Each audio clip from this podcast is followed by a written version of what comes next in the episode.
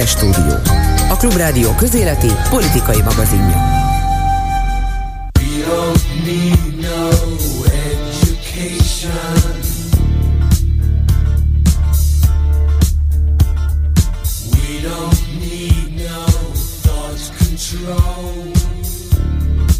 Még ma is beleborzongok, valahányszor meghallom a Pink Floyd örökzöld számának a refrénjét.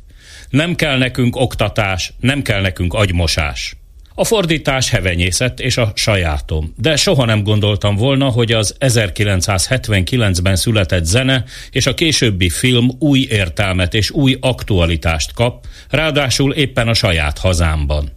A 44 évvel ezelőtti Pink Floyddal igazi segélykiáltás volt az uniformizáló, elbutított fogyasztókat sorozatban gyártó, arctalan társadalom ellen. A lelkeket megnyomorító, diktatórikus oktatási rendszer ellen. Micsoda fintora a sorsnak, hogy a mai Magyarországra rémisztően pontosan ráillik ez a gúnya. Igen, nincs szükségünk oktatásra. Nincs szükségünk sokoldalúan képzett, önálló ítélet és gondolatalkotásra képes, a világ dolgaiban eligazodni tudó emberekre. Elég, ha magyarul beszélnek, és azt sem nagyon. Az összetett mondatokat már nem kell megérteniük. Nem kellenek az akadékoskodó, örökké kétkedő, kényelmetlen kérdéseket feltevő polgárok, de nem ám agymosott, nyolc általánost végzett, legfeljebb még három év szakoktatáson átformált félzombikra van szükség, akik lenyomják három műszakban azt a bizonyos napi 16 tonnát, immár a kínai akkumulátorgyárban. És mennyi a bér? Vásárolhatsz uzsorakamatra, hogy ne dögöljön éhen a gyereked meg a családod. Hol élsz? Mit gondolsz? Azt hitted teljel mézzel folyó Kánaánban, itt a Kárpát-medencében? Elhitted Tokaj szőlőveszein a nektárcseppeket? Neked semmi nem jut belőle, már rég ellopták és hazavitték. Elhitted az ért kalászt a kunság mezein? Nem neked terem, ha addig ki nem szárad egészen. Ébredj már fel, ember, hol élsz? Az egész ország lassan egyetlen kínai, dél-koreai center lesz. Úgy értem, egy 93 ezer négyzetkilométeres, nagyra nőtt nemzeti giga akkumulátor pozitív és negatív pólusa között. Ráadásul még csak földelés sincs, ami levezesse a keletkezett feszültséget, ha szokás szerint egymásnak ugrasztanak bennünket. Leporolhatjuk a régi marxista kifejezést. Orbánnak hála nem a nemzeti, hanem a komprádor burzsóáziánk taszítja gyarmati sorba az országot, idegen érdekek kiszolgálójaként. Csak éppen most orosz, kínai, dél-koreai és ki tudja még miféle urakat szolgálnak miközben ugyanúgy szivaroznak, jachtoznak, kokóznak és hemperegnek az örömlányokkal, mint példaképeik a latinamerikai drogbárók. 33 év után banán köztársaság lettünk, banán nélkül. A legvidámabb barakból a régió lassan legszegényebb barakjának a lakói. Pompás egyéni kilátásokkal. Végül is csak egy másik tégla vagy a falban.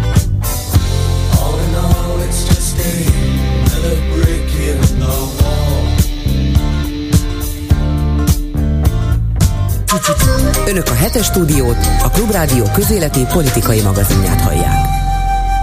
Üdvözlöm Önöket! A hetes stúdió mikrofonjánál Hardi Mihály. Csernyánszki Judit szerkesztővel az alábbi témákat ajánlom a figyelmükbe a mai adásban.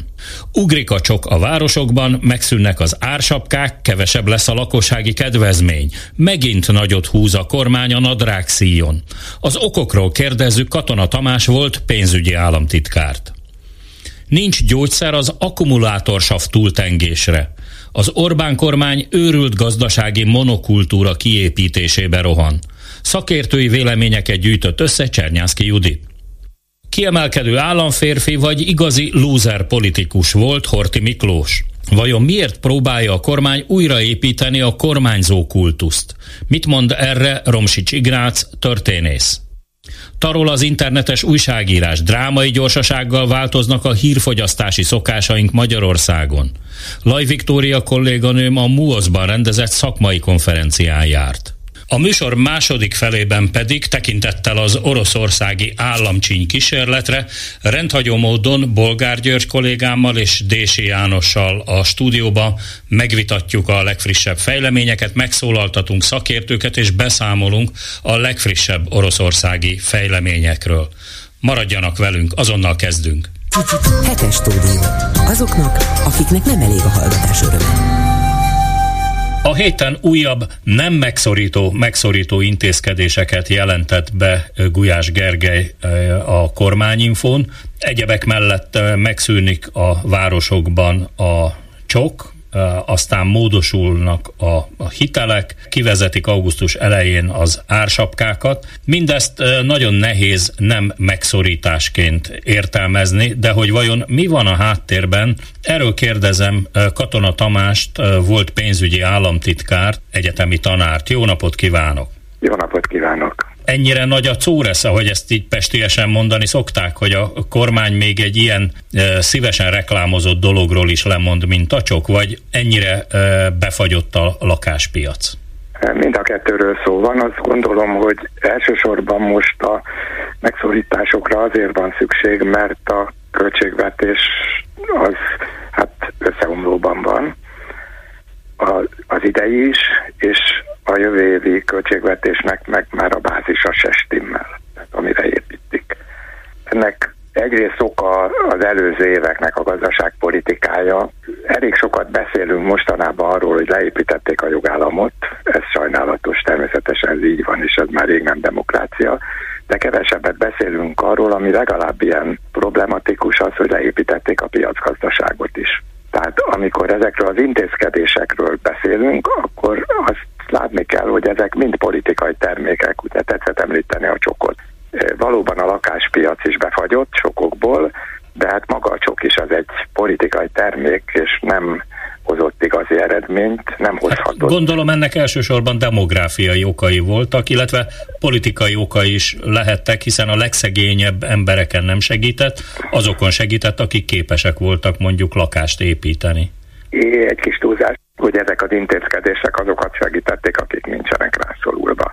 Nem is hozott eredményt, tehát ha megnézzük az elmúlt 12 évnek a például az élveszületési számait, éppen egy kicsit nőtt a teljes termékenységi arányszám, egy nagyon alacsony bázishoz képest, és az élveszületések száma pedig hát tavaly volt a második legalacsonyabb az elmúlt 12 évben.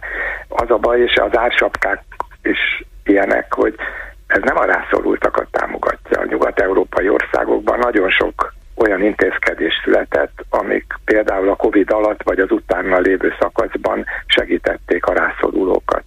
Nálunk pedig nem a rászorulókat segítik, hanem, hanem a tehetősebbeket, és ez, ez egy eléggé pervers gazdaságpolitikára utal. Na most az, hogy marad például a falusi csok, annak hát elég nehéz lenne elrejteni a politikai felhangjait, nevezetesen, hogy elsősorban legalábbis sokan ezt tartják, túlnyomó részt vidéken található a Fidesz szavazó bázisa, tehát itt érdemes megtartani olyan kedvezményeket, amelyek a szavazóknak kedvesek, és amit mondjuk a jövő évi választásokig még nem felejtenek el. Ez részben igaz, hogy, hogy ezért támogatják ezt a formát, de azért is igaz, vagy a másikok, hogy nem kerül sokba.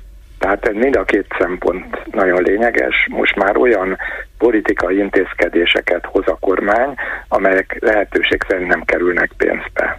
Sőt, hát gondoljunk arra, hogy a, az egész rezsicsökkentés, amit 14 választás előtt bedobtak, az másfél évig segített a háztartásoknak, és utána több mint hat éven keresztül többet fizettek a háztartások, mert a világpiaci árak csökkentek, és mi megfizettük a magasabb költségeket. Ugyanígy mi a helyzet az inflációval, hiszen az ársapkák kivezetéséről, ami ugye augusztus 1-ével lép hatályba, az volt az indoklás, hogy a kormány szerint az infláció most már lényegesen csökken. Ha jól emlékszem, a kormány szóvivői sajtótájékoztatón 15%-os inflációs előrejelzés hangzott el, de egyesek szerint ennek szimplán matematikai okai vannak, és semmi köze a gazdasági folyamatokhoz. Egyszerűen már tavaly nyáron elindult az árak emelkedése, és ahhoz képest csökken az infláció. Valóban ennek két tényezője van, azon túlmenően, hogy azért, ahogy érzékelem a kormányinfon, a illetékes miniszter az elég lazán kezeli a tényeket. De az kétségtelen, hogy a bázis hatás miatt jelentősen csökkenni fog az infláció, az év per éves infláció, de hát azért tegyük hozzá, itt még mindig 15-17 százalékos sávban lesz az infláció, amit azért alacsonynak minősíteni azért meglepő. Tehát erős szó van, de valóban tulajdonképpen az, hogy kivezetik ezeket az ársapkákat, tehát eddig se sokat hozott, mert hát értemszerűen a, a többi termék árában ez megjelenik, hozzátéve, hogy itt nem arról van szó, hogy a, a kereskedelmi láncok megemelték a többi termék árát a magasra, mert ez jól látszott, hogy a tavalyi nyereségük az minimális. Hozzá tartozik ez az is, hogy közben a kormány megemelte az élelmiszerek áfáját gyakorlatilag, mert egy 3,5 százalékos különadót vetett ki az élelmiszer kiskereskedelemre, sőt ezt most a 24-es költségvetésben még meg is emeli. Tehát gyakorlatilag ma ott tartunk, hogy tulajdonképpen az élelmiszerek áfája az 31 százalék fölött van miközben már a 27 tel is világbajnokok vagyunk, tehát, tehát nem kellett volna még rátenni egy lapáttal. Ezek szabják meg, de valóban az is benne van ebben, hogy a kormány érdeke az, hogy ez az infláció ne csökkenjen, mert valahogy így tudja visszaszerezni azt a pénzt, amit kiszórt a választás előtt például a 2000 milliárdot, hogy behozni a, a jegybanknak az adósságát. Tehát nagyon sok olyan tényező van, ami a kormány most arra szorítja, hogy lehetőség szerint ne ragaszkodjon a, a gyors infláció csökkentéshez. Ezt nem régiben Nagy Márton tulajdonképpen el is mondta, hogy hát nem biztos, hogy az a jó nekünk a Nemzeti Bank eredeti célkitűzésének megfelelően 3-4 százalékra csökken az infláció, együtt kéne élni egy magasabb inflációban. Hát úgy... ő könnyen él együtt, mert 5 millió fölött van a fizetése, de úgy tudom, hogy azért nem minden állampolgárnak ennyi. Úgy tűnik, hogy ez az infláció leszorítása az adósság szolgálat szempontjából viszont fontos lenne, hiszen ugyanazt a külföldi pénzben számított adósságot sokkal több forintból kell előteremteni, hogyha fizetni akarjuk. Tehát gyakorlatilag arról van szó, hogy egy hatalmas réstátong a költségvetésen. Hiányoznak az EU-s pénzek, és most már azt is láthatjuk, hogy nagy valószínűséggel szeptember előtt egyáltalán még csak napirendre sem kerül, hogy Magyarország kaphasson ezekből a befagyasztott Európai Uniós pénzekből. Hát ez külön kérdés, hogy most a 23 vagy a 24 szeptemberre tetszik-e gondolni, de valóban a közeljövőben uniós pénzek de nem számíthatunk. Hát nyilván az idén még jönnek a, az előző 7 éves költségvetésből a pénzek, mert az unióban nem szokás visszaható hatállyal bármilyen intézkedést hozni, ez csak a magyar parlamentnek a sajátossága. De a 21-el kezdődött 7 éves költségvetésből, meg a helyreállítási, újjáépítési alapokból nem kapunk pénzt, ez jól látszik, mert a kormány nem hajlandó az alapvető feltételeket teljesíteni. Itt van a 27 szupermérföldkő, és ezért nagyon hiányoznak ezek a pénzek valóban. Na most annál olcsó pénz nincs, mint a visszanemtérítendő támogatás, de hogy a hallgatók is érezzék most a nemzetközi piacon mondjuk egy ilyen Magyarország méretű ország, ha piaci feltételek mellett vesz föl hitelt, akkor annak milyen az adósság ilyenkor, tehát milyenek a kamatok, illetve mi van akkor, hogyha ezek Európai Uniós pénzek? Hát az Európai Uniós pénzek nagy része ingyen van, nem kell visszafizetni. Amit a, a helyreállítási alapnak a hitel része jelenti, az 1,2%-os kamatra lehet, lett volna felvehető. Ugye először a miniszter közölte is, hogy mi nem tartunk rá igényt, mert hogy nem akarunk adósabb szolgálságot, aztán később már mondták, hogy kellene. Amúgy, amit legutóbb a piacon fölvett hitelt a, a kormány, azért 6,7%-os kamatot kell fizetni, de több mint ötszöröse is. Igen.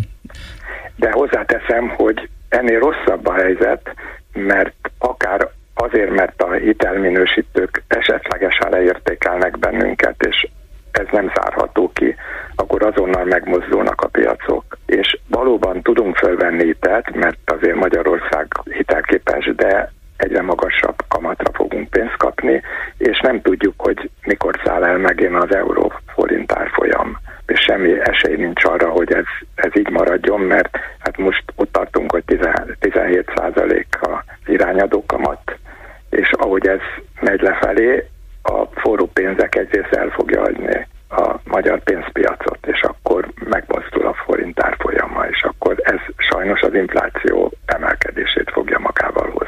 Arról nem beszél, hogy a jövő évi költségvetésbe be van építve megint az infláció növekedése részben úgy, hogy, hogy mondtam, a kiskereskedelemre kivetett adók azok, emel, azok emelik az árakat, tehát ezt nem tudunk mit tenni. Ilyen például a jövedéki adó emelése a üzemanyagoknál, ott is ráfogják ugyan Brüsszelre, hogy itt mondja a kormányzati kommunikáció, de ennél jóval nagyobb jövedéki adó emelést ír elő a tervezete, mint amit az Európai Unióban kellene.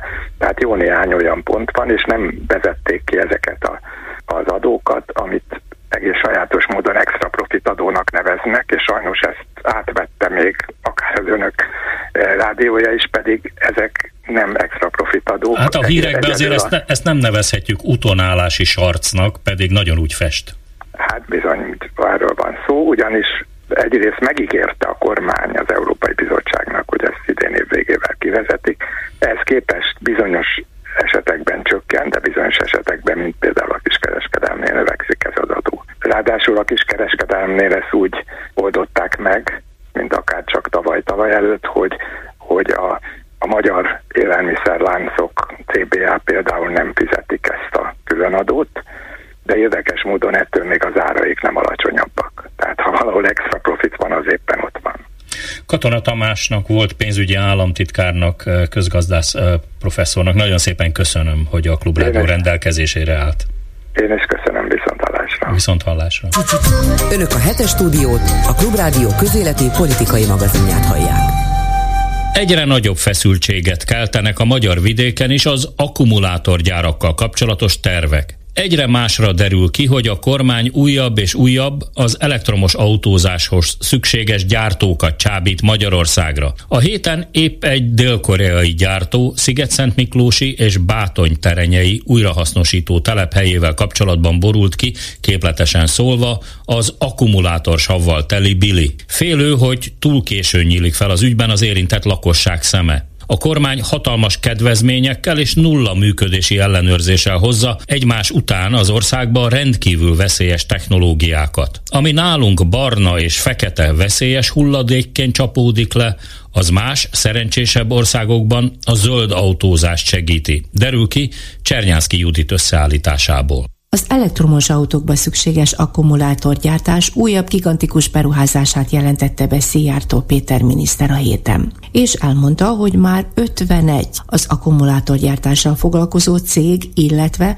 beszállító amolyan szatellit üzem létesült 4000 milliárd forintnyi értékben. Ezekhez általában 10-15 százaléknyi állami támogatás is jár. Az ácson létesítendő katódgyáról egyelőre ilyen adat nem tudható. A bejelentés alkalmával tartott beszédében állította, hogy az állam és minden magyar ember profitál az üzletből. Ekkora biznisz ez a Fidesz kormánynak? Kérdem a téma kiváló ismerőjét, Győr Fidórát, a Corvinus Egyetem tanárát. A magyar gazdaság az, az számszerűleg nőni fog, tehát ezeknek a gyáraknak jelentős árbevételük van. De nagyon fontos, hogy a gazdasági növekedés az, az, az nem a végső célja a gazdasági tevékenységnek. A, a cél az az lenne, hogy Magyarországon az életminőség növekedjen. És abban teljesen biztos vagyok, hogy ezek a gyárak nem járulnak hozzá a magyar életminőség javulásához, sőt, nagy valószínűséggel a romlásához járulnak hozzá.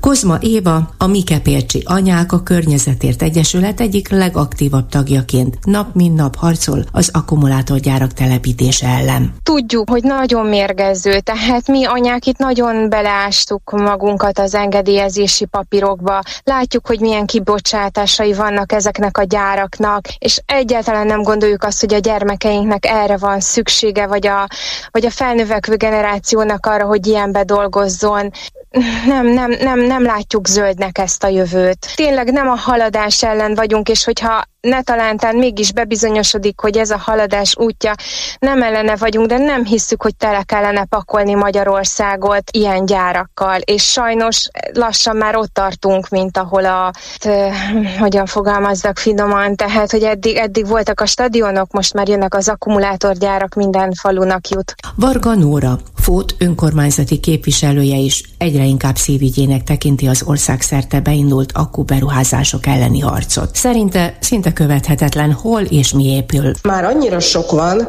erről nem is mindről tudunk. Mert hiszen például arról se tud, tudott sokáig senki, hogy Gödöllőn is már van két darab ilyen gyár évek óta.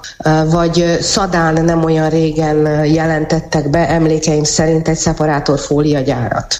Fóton is ugye a szatellit üzemek közül van kettő, vagy itt szerencsére még nincs, és reményeink szerint nem is lesz, egy kínai akkumulátor összeszerelő, a másik pedig egy koreai veszélyes anyagraktár, amelyik a Gödi Samsungot volt hivatva kiszolgálni. A veszélyes anyagraktár kapta meg előbb a katasztrófavédelmi engedélyt, még tavaly karácsony előtt, így az ünnep előtti utolsó percekben. Ez perrel megtámadta az önkormányzat is ezt az engedélyt, és egy lakossági civil egyesület is. Míg az önkormányzatot gyakorlatilag elhajtotta a bíróság, addig a civilek perlési joga megáll, és ők úgynevezett azonnali jogvédelemmel meg is állították a folyamatot, tehát nem mehet oda addig veszélyes anyag abba a raktárba, amíg a pernek jogerősen vége nem lesz. Az akkugyártási őrület tulajdonképpen a hazánkról kiállított szegénységi bizonyítvány. Györfi Dóra. Ezt valószínűleg részben nem gondolták át, és beleszerettek egy gondolatba, másrészt pedig nincs nagyon sok választásuk. Tehát a, a nem gondolták át az azt jelenti, hogy, hogy igazából úgy vállaltak be egy ilyen tevékenységet, hogy semmi nem áll rendelkezésre Magyarországon ehhez, tehát kevés az energia, a víz és a munkaerő. A másik pedig az, hogy, hogy, hogy miért csinálják, az, az, az, az szerintem két része van.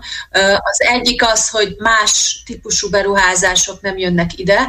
Magyarországnak annyi annyira rossz a híre, hogy nyugati befektetők már nagyon félnek itt befektetni, hiszen nem tudhatják, hogy mikor akarja őket kiszorítani a kormány, milyen külön adót kapnak a nyakukba, és úgy általában nem érzik biztonságba a tulajdonukat.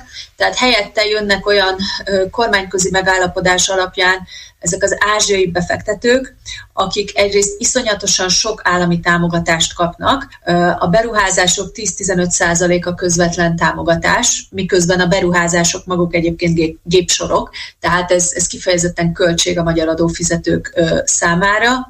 És emellett, amiből még a kormánynak haszna lehet, és igazából ebből lehet haszna az az, hogy kormányközeli érdekcsoportok számára ezek az infrastruktúrális fejlesztési projektek, ezek, ezek valamilyen módon pótolják azokat a projekteket, amik kimaradnak az Európai Uniós transferek hiányában. A civilek rettegnek a várható környezeti szennyezésektől, amelyek nem csak őket, hanem a gyerekeiket is mérgezik. Kozma Éva. Egyszerűen meg kell nézni, hogyan működik a gödi gyár, akik már nagyon régóta kindódnak vele, hogy mennyire hangos, kimutatták ugye az öntözőkutakból ezt a nagyon veszélyes vegyszert. Tehát ott, itt, itt nem is arra kell gondolni, hogy mondjuk a következő generáció fog megmérgeződni, hanem már mi is magzatkárosító, rákkeltő anyagok, iszonyatosan robbanás és égésveszélyesek, tehát minden szempontból, amilyen megközelítésből csak lehet, ezek a gyárak Magyarországnak meggyőződésem, hogy nem tesznek jót. Külföldi munkaerő fog bennük dolgozni. Konkrétan itt Debrecenben és környékén per pillanat 5%-os a munkanélküliség.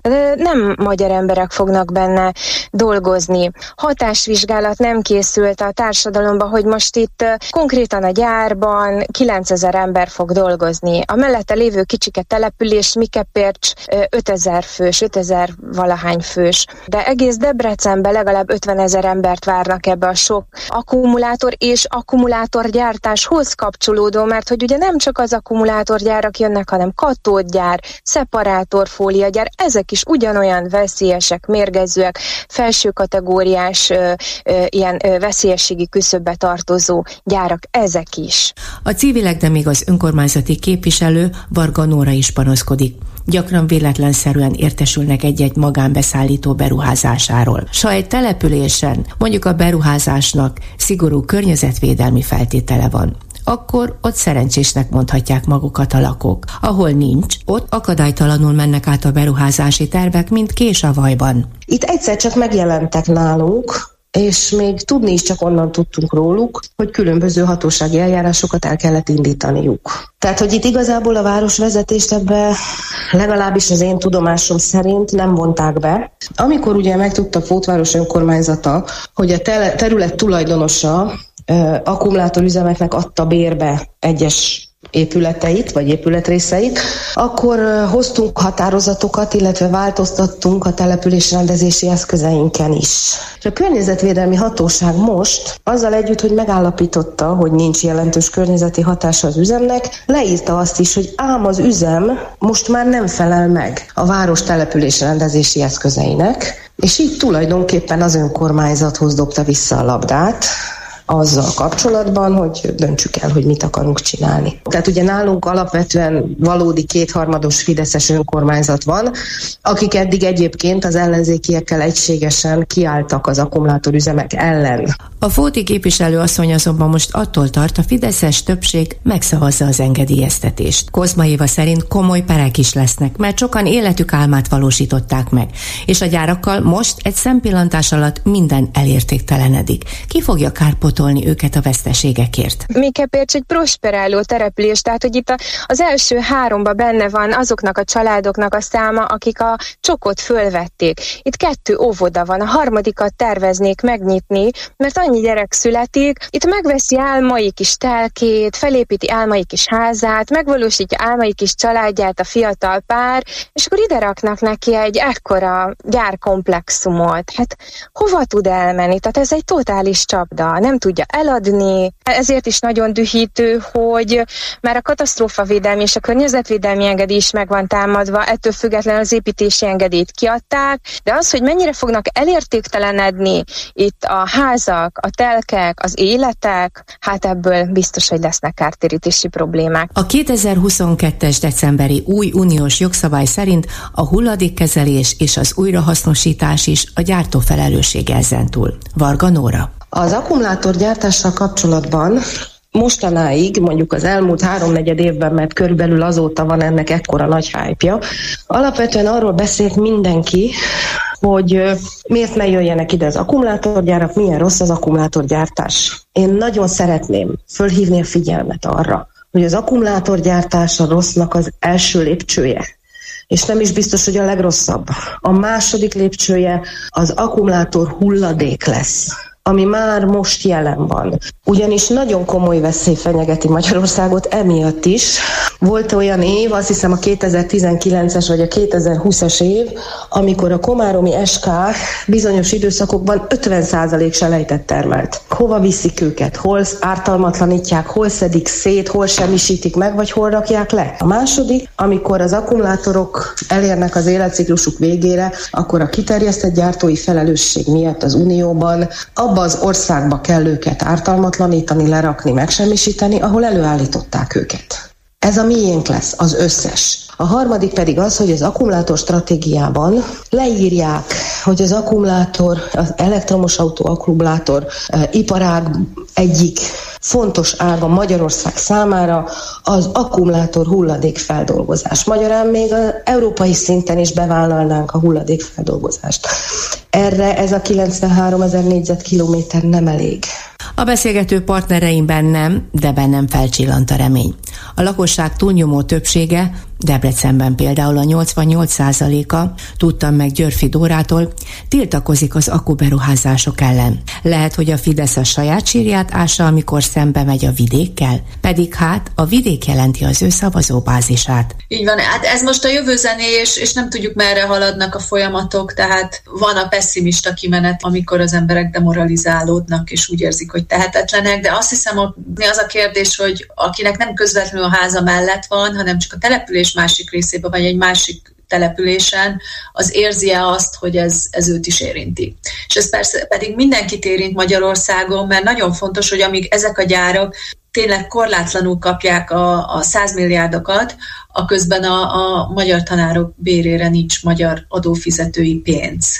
Tehát ez, ez nagyon fontos, hogy ezt a két problémát együtt kezeljük, tehát ez bezárja az országot egy, egy, egy alacsony hozzáadott értékű tevékenységbe, és ellehetetlenül az az oktatási rendszer, ami lehetővé tenne egy másik típusú gazdasági pályát, úgyhogy, úgyhogy ez, ez abszolút a, a, az egész ország jövőjét ö, kockáztató projekt, és, és nem, nem csupán azokét a településekét kockáztatja a kormány, ahova oda mennek ezek a gyárak. Hetes stúdió. Azoknak, akiknek nem elég a hallgatás öröme. Magyarországon időről időre a sajtóban megjelennek olyan nyilatkozatok és cikkek, amelyek azt követelik, hogy felül kell vizsgálni Horti Miklós szerepét a 20. századi magyar történelemben, meg olyan vélemények is, hogy tulajdonképpen Horti Miklós a marxista vagy ö, sztálinista, vagy szovjet típusú lejáratás áldozata, és így tovább. A héten ö, például a Magyar Nemzet hasábjain jelent meg hasonló ö, ihletésű cikk. Nos, hogy ezeknek mennyi ö, tudományos alapja van, erről ö, kérdezem Romsics Ignác történészt, aki a 20. század magyar történelmének a szakértője. Jó napot kívánok! Szóval... Jó napot kívánok! Ö, valóban árnyalni kell még a Horti Miklósról kialakult képet? Hát nézze, a Horti Miklósról elég sokat írtak már történészek. Legutoljára magyarul Turgut Dávid egy egész könyvet, de író a Ungvári Krisztián is, és a külföldi történészek közül Thomas Seckmeister volt talán az első, aki egy amerikai történész, aki erről egy könyvet publikált, ami magyarul is olvasható, és a francia történész Catherine Orel is írt egy Horti könyvet, ami szintén olvasható magyarul, nem beszélve a rendszerváltás előtti írományokra. Ezek mind az utolsó néhány évben jelentek meg, valamennyinek a szerzője történész. Én a Magyar Nemzetben megjelent cikket nem olvastam, de feltehet, feltehető, hogy nem történész írta, hanem, hanem valaki más, és nem történeti megközelítést alkalmazott, hanem egy emlékezett politikai megközelítést. Azt ez, ez pontosan így van, uh, amit én itt uh, látok a cikkben, hogy egyebek mellett ilyeneket uh, ír, hogy tiszteletet és nagyra becsülést ébreszt Horti személye, meg hogy Horti Miklós egy tisztességes keresztény hazájáért és a népért komoly áldozatokra is kész államférfi volt, aki a legnehezebb időkben is vállalta a kormányzással járó megpróbáltatásokat. Hát ez nagyon publicisztikai ízű dolog, és gondolom nem is nagyon tetszik egy történésznek. A magyar társadalom megosztott, nem csak politikailag, hanem a történelmi látásmódját illetően is, és az érzékelhető több éve, hogy a, van egy olyan része a magyar társadalomnak, amely pozitívabbnak látja, és szeretné láttatni, mint a történészek. És még egyszer hangsúlyozom, hogy itt nem marxista történészekről van szó, mert az említettek egyikének sincs köze a marxizmushoz, ha csak nem úgy, mint egy történeti historiográfiai ideológiához. Úgyhogy ez, ez nem lett meg engem, hogy ilyen cikk jelent meg, mert hiszen évek óta lehet olvasni vagy hallani arról, hogy szobrot állítottak föl különböző Hortinak, vagy olyan kijelentés hangzott el a miniszterelnök szájából, hogy Horti a két háború közötti, vagy a 20. századi magyar politikusok közül a legnagyobb államférfi Betrennel és Klebersberggel együtt, és ezt azután visszhangozták is, parlament előtt szobrot kértek neki. Ez az egyik része. A másik része, és lehet, hogyha most le, leegyszerűsítjük ezt, akkor azt mondhatjuk, hogy a jobboldali része az, amely egy hortikultuszt szeretne, vagy próbál kialakítani, míg a baloldal pedig ezt, ennek, ennek nem örül, ezt nem helyesli, hanem a, ugyanannak a kornak a demokratikus értékeihez, vagy irányzataihoz próbál visszanyúlni.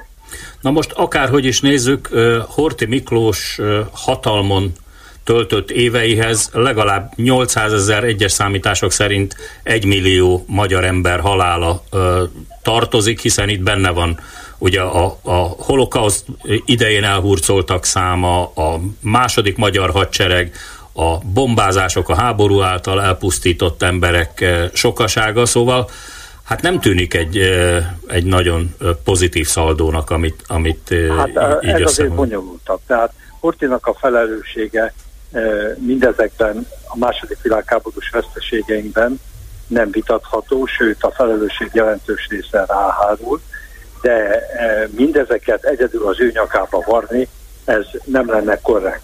Magyarországnak a, volt a kormányzó, de volt kormánya, volt miniszterelnöke, volt közigazgatása, sok minden, tehát, tehát nem, nem, nem, nem egyedül hozta a a döntéseket. Azt egyedül hozta, hogy beléptünk a háborúba 1941. júniusába, és ez szerintem is egy elhamarkodott lépés volt, de ezt kikerülni nem tudtuk volna.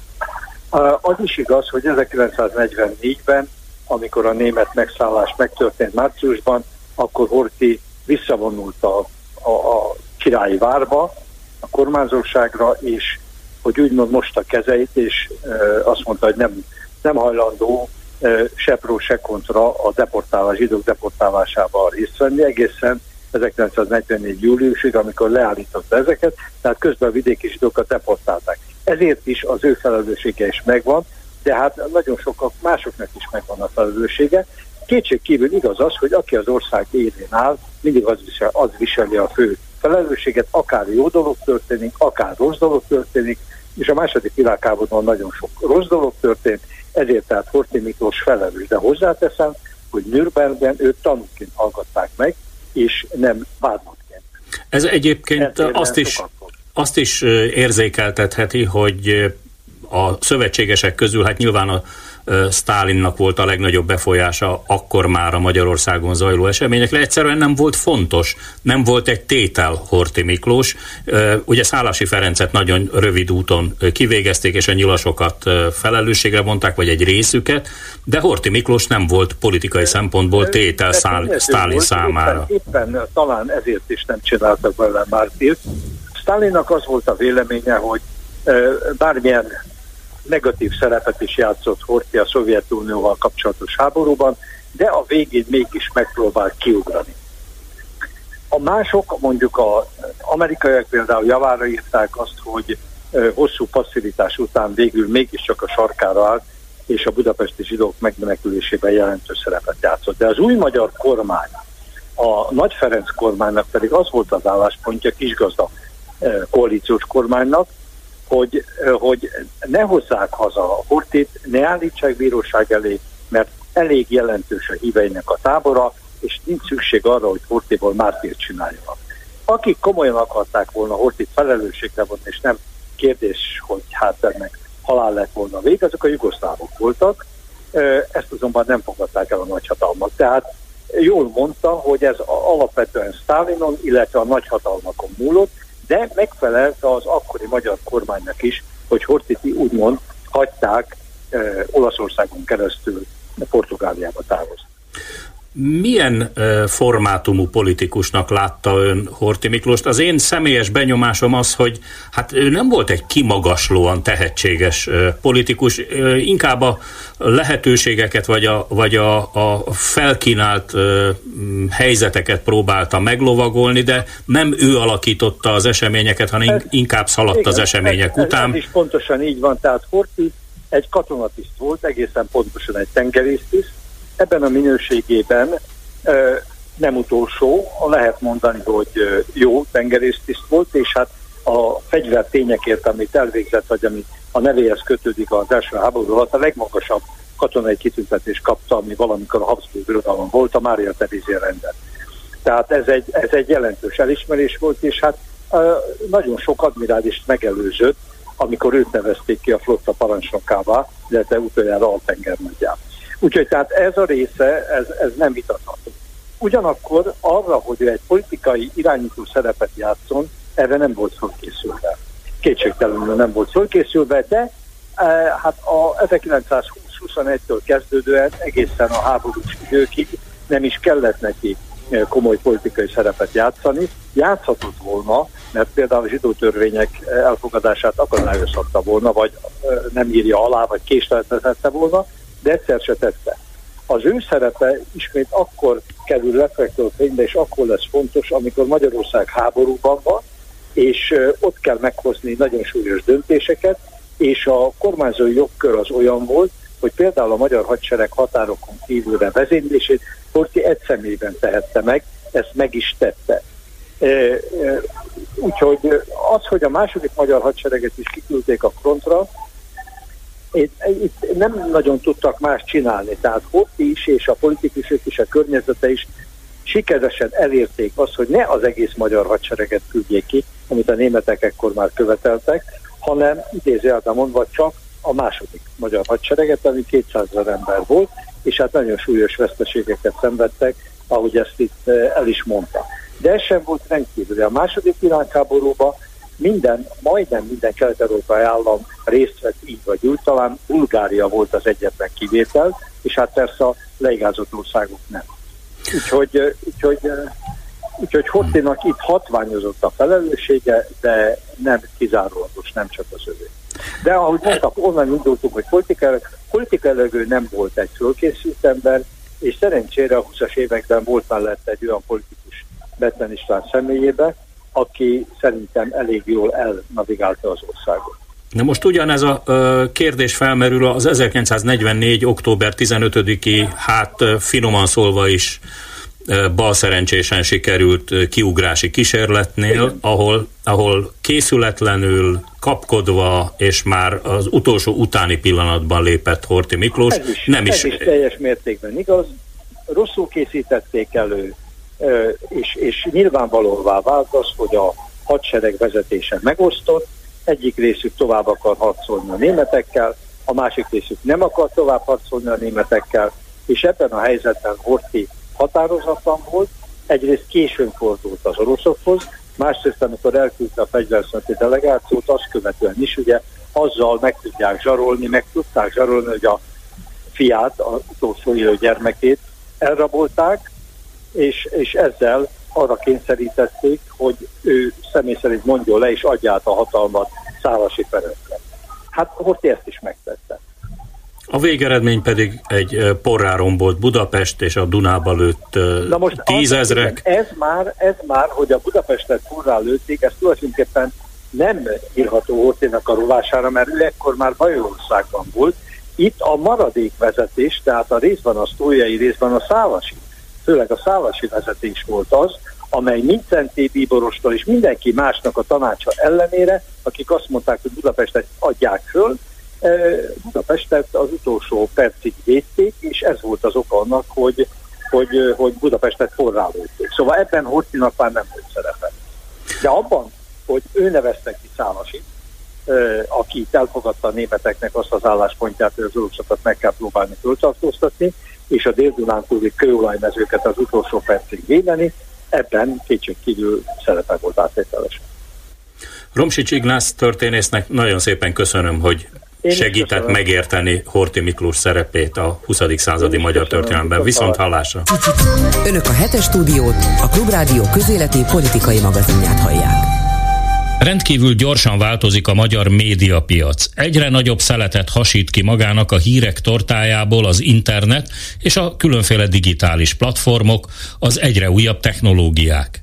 Egyebek mellett ez derült ki a Magyar Újságírók Országos Szövetsége által rendezett kerekasztalon, amelyen a Mérték média elemző műhely és a Medián közös vizsgálatának az eredményeit ismertették. A legfontosabb megállapításuk, hogy tovább mélyült a megosztottság, a szakadék a hírfogyasztási szokásokban is, nincs átjárás a két oldal között, itt sem. A vita legérdekesebb pillanatait Laj Viktória kolléganőm eleveníti fel.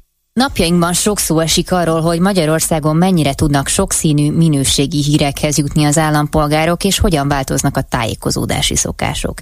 Egyetértés van abban, hogy a nyilvánosság működése befolyásolja a politikai és társadalmi folyamatokat, de sok a kérdőjel azzal kapcsolatban, hogy milyen hírforrásokat használnak a fogyasztók, és hogyan értékelik azokat. Ez a kutatás a hírfogyasztási szokásokat térképezi fel, és egyben annak átalakulásáról is képet ad egy rendkívül dinamikusan változó időszakban. Ezt írják a Mérték média elemző műhely legfrissebb hazai hírfogyasztásokról szóló kutatásának bevezetőjében. A válaszadók közel kétharmada állította, hogy nagyon vagy közepesen érdekli a politika. A legnagyobb ugrás 2018 és 2020 között ment végbe. Ezt magyarázhatja, hogy 2020-ban a járvány idején mindenki számára életbevágó volt, hogy értesüljön a legfrissebb hírekről. Némileg meglepő, hogy az akkor kiemelkedő érték 2023-ra sem csökkent, sőt tovább növekedett növekedett aminek egyfelől az lehet az oka, hogy rászoktak a hírfogyasztásra, másrésztről pedig a háború és a jelenlegi helyzet miatt is igényeljük az információt. A hírforrások kiválasztását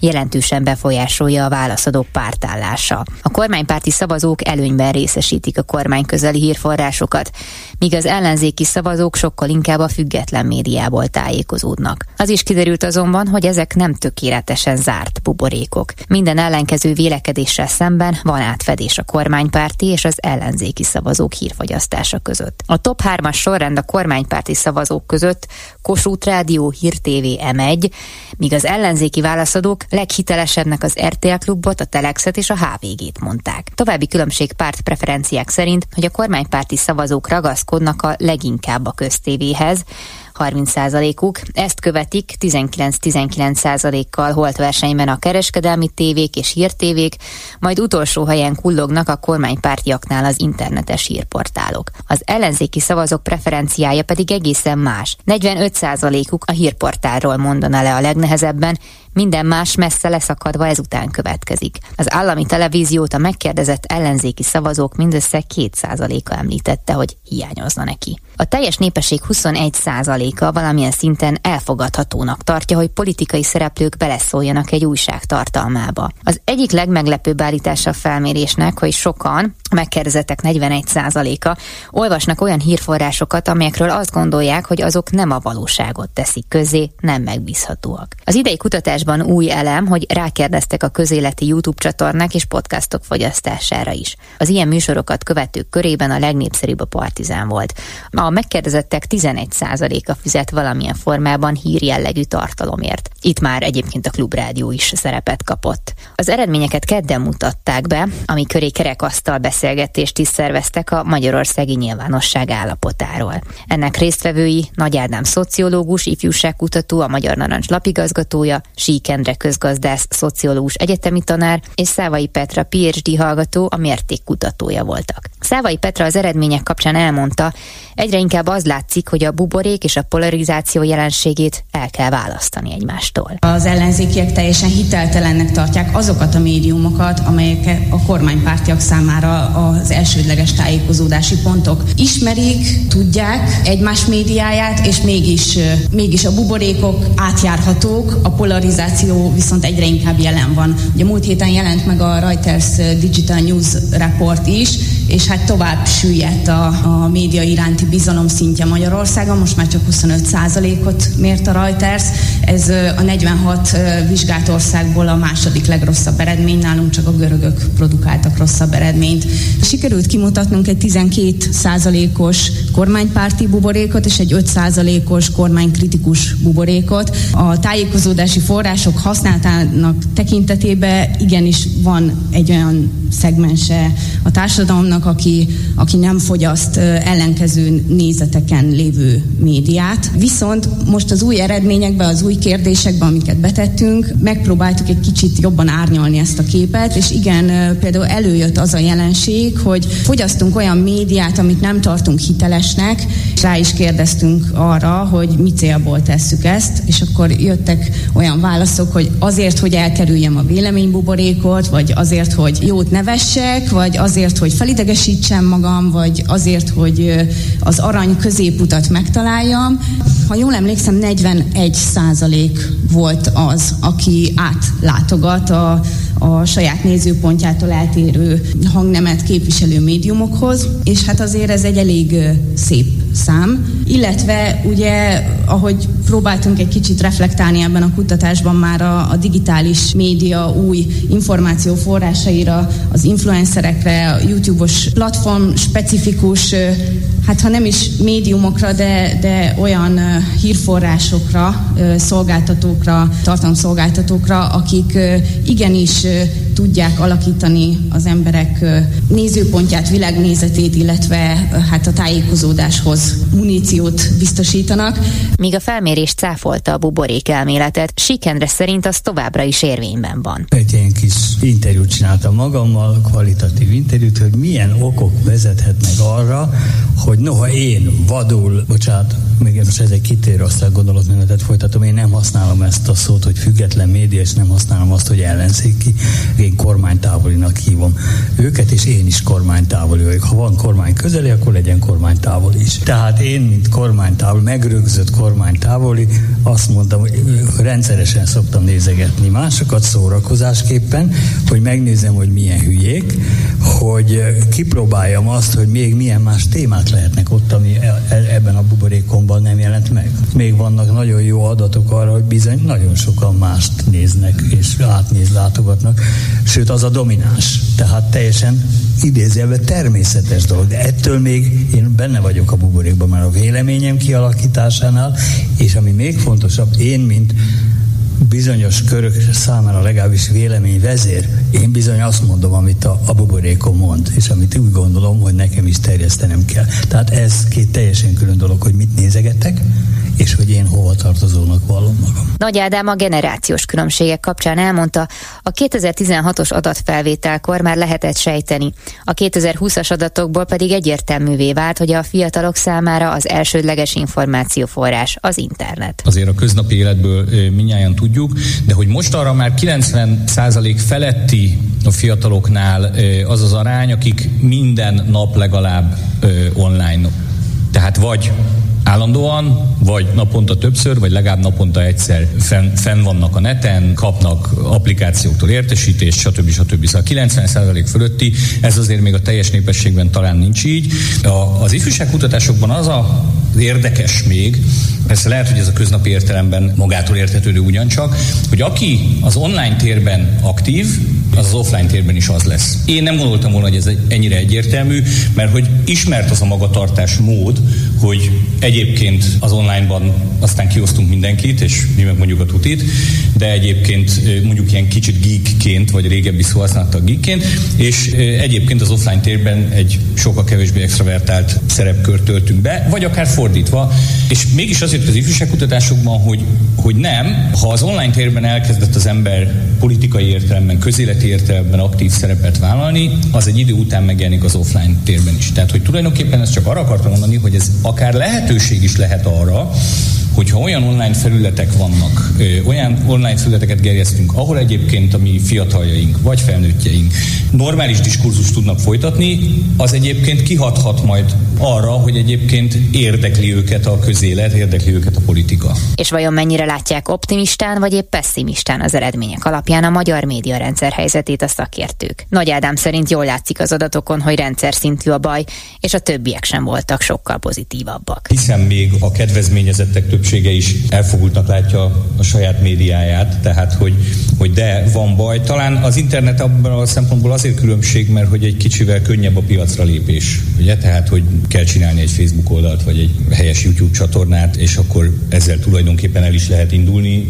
A hagyományos médiában azért ez jóval, jóval nehezebb, mondjuk egy oligopol piacról beszélünk. Ilyen értelemben szerintem az utolsó szabad csatornák vagy felületek egyike ez. Én, én hosszasan tudok történeteket mesélni arról, hogy mennyire torzul például a print piac. Tehát, hogy az a figyelő, amelyik tavaly megszűnt printben, konkrétan két euróba került, 790 forintba, minden egyes eladott lapszám mellé a kormány hirdetéseken keresztül 9 eurót tett hozzá. Tehát a 11 eurós költségből 9-et állt ő. Nem könnyű úgy versenyezni egyfelől, hogy ennyire torzítjuk a piacot, nem beszélve arról, hogy a független lapok hirdetési kormányzat vagy kormányzat közeli hirdetései azok mennyire nincsenek. Ilyen értelemben szerintem a hagyományos sugárzott média, a hagyományos print média az borzasztó torzult. Mind a befogadó látja ezt, mind pedig a kibocsátó oldaláról nyilvánvalóan látszik ez. Az internet, amivel tudunk jó értelemben játszani. Én nem vagyok optimista, főleg ez a tapasztalható bizalmi válság miatt. És szerintem egész addig, amíg nem tudom, a politikai elit nem változtat ezen a polarizáló beszédmódon, ami zajlik most a nyilvánosságban, addig nem várhatunk a fogyasztás és az állampolgárok szintjén sem változást. Egyébként a Reuters Digital News Reportból az is kiderül, hogy a tavalyihoz képest, amikor az USA még rosszabb eredményt produkált nálunk, ők most 6% pontot javítottak a bizalmi indexüket tekintve, úgyhogy a Biden Biden adminisztráció alatt azért némi enyhülés volt tapasztalható.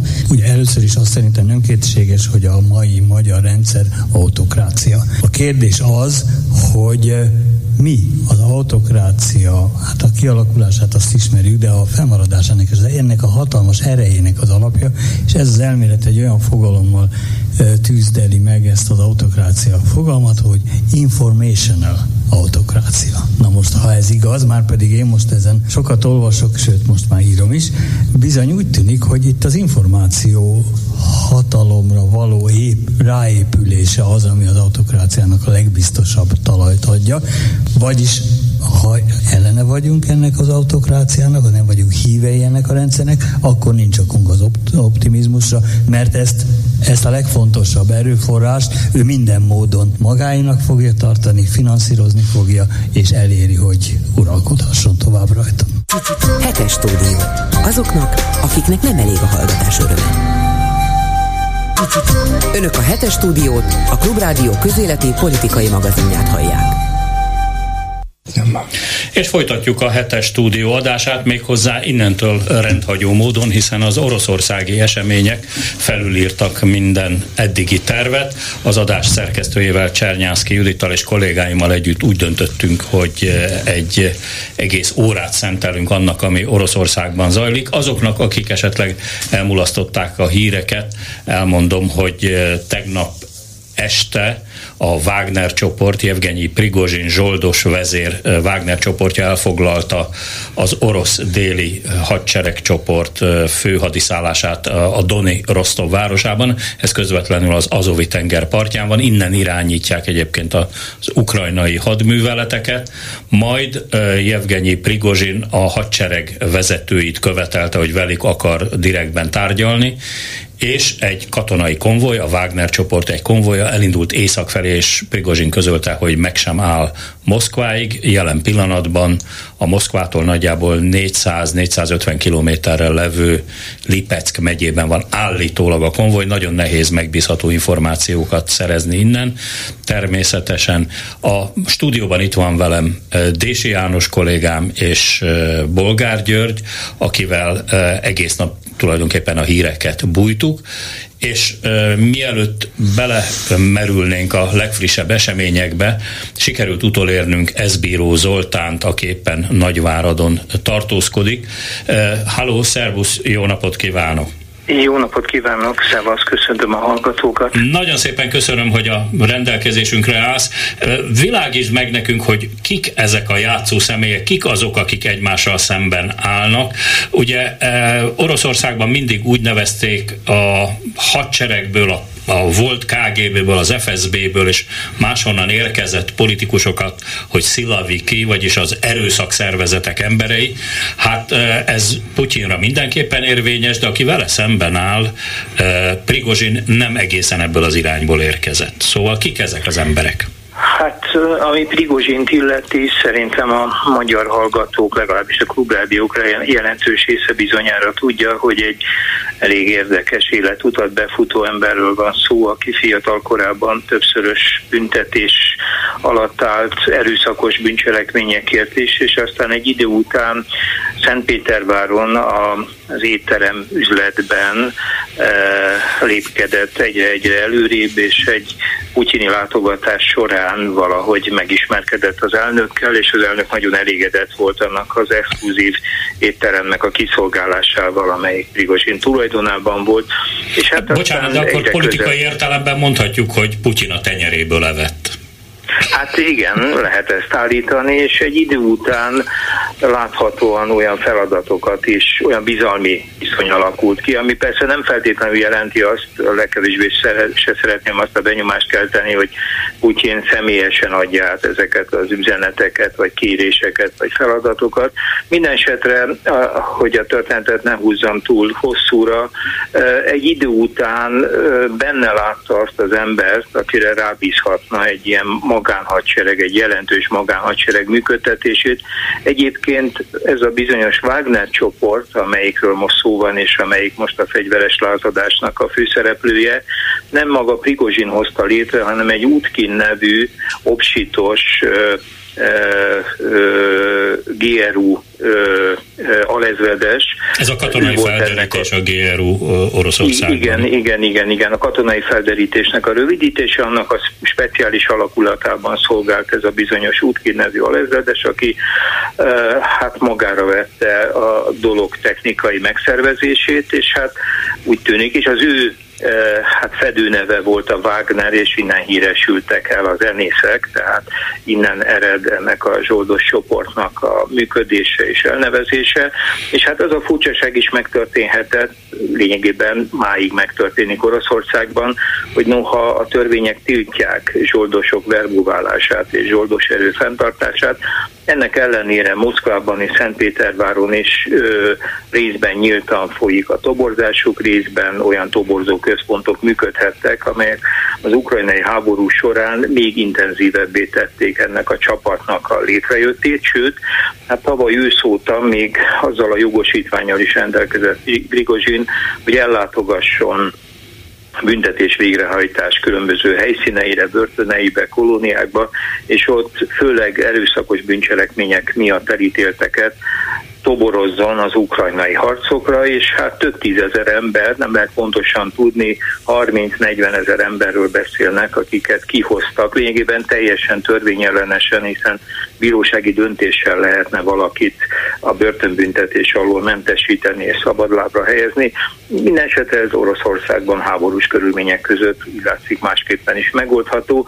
Valószínűleg ennek a döntésnek az át hátterében, hogy Putyin és környezete félt attól, hogy olyan társadalmi csoportok mozgósításával, akik eh, hát politikai súlyjal vagy politikai jelentőséggel bírnak, tehát Moszkvából és Szentpétervárból nem szívesen mozgósítottak és hívtak be embereket, és úgy találták, hogy az ország perifériájáról, illetve ezekkel a hát fegyencekkel, börtönből kiengedett emberekkel, ha veszteségeket szenved is el az orosz erő, ezzel valahogy az orosz fél megbékül.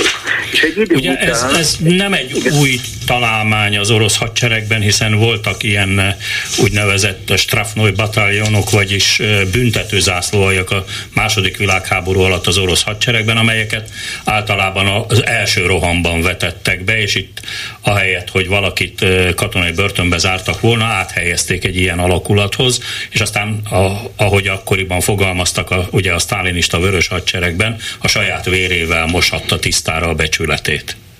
Igen, de hát ott azért mégis volt egy jelentős különbség, hogy nem polgári ügyekben elkövetett súlyos bűncselekmények után került büntetőzászlóhelyba valaki, hanem a fronton valami olyasmit követett el, ami miatt ezt a szigorú feltételrendszert kellett, hogy a későbbiekben elviselje. Itt viszont börtön viselt, és hangsúlyozottan főleg súlyos testisértést vagy gyilkosságokért elítélt embert próbáltak megnyerni annak érdekében, hogy a fél évet szolgál, akkor azt követően elengedik a büntetésüket. Szóval egészen elképesztő az a háború, ahol tízezreket vetnek be ilyen háttérrel, és ezt a háborút igazságos honvédő háborúként próbálja, vagy próbálta mindez idáig a putyini propaganda beállítani. Szóval Prigozsin ennek a mondjuk így, hogy magánhadseregnek a mozgatója, irányítója volt, és hosszú időn keresztül Putyin politikai és katonai céljainak messze menő kiszolgálója, és egy idő után talán összefüggésben azzal, hogy messze nem úgy alakultak a mozgósítást követően, tehát 2022. szeptemberét követően sem az események az ukrajnai fronton, mint azt elképzelték. Egyre több konfliktusra keveredett uh, alakult ki a katonai vezetéssel, egyre élesebben bírálta mind a komédiai miniszter Sojgut, mint pedig a vezérkori főnököt Gerasimovot. Egyre brutálisabb, egyre nyersebb, egyre hát elfogadhatatlanabb hangnemben nyilvánosan fidalmazta őket, elsősorban azért, hogy megfelelő hát fegyverrel és megfelelő mennyiségű lőszerrel időben nem látják el a Wagner hadsereg harcosait, és hát mindenféléket elkezdett állítani, és hát az utóbbi időszakban közvetlenül a felkelés előtt már elmozdításukról beszélt, valamivel korábban hát azt vizionálta, hogy ezek az emberek nyilvános kivégzésre kerülnek, majd egykor amikor a dolgok odáig mennek, és hát most meg már azt látjuk, hogy nem egyszerűen az elmozdításukat követeli, hanem lényegében a korrupt putyini rendszerrel szemben, és mindazokkal szemben lép fel, akik idáig vitték ezt az országot, belevitték ebbe a borzalmas háborúba, és hát csak nyerészkednek ezen a háborún, és az a furcsa helyzet állt elő,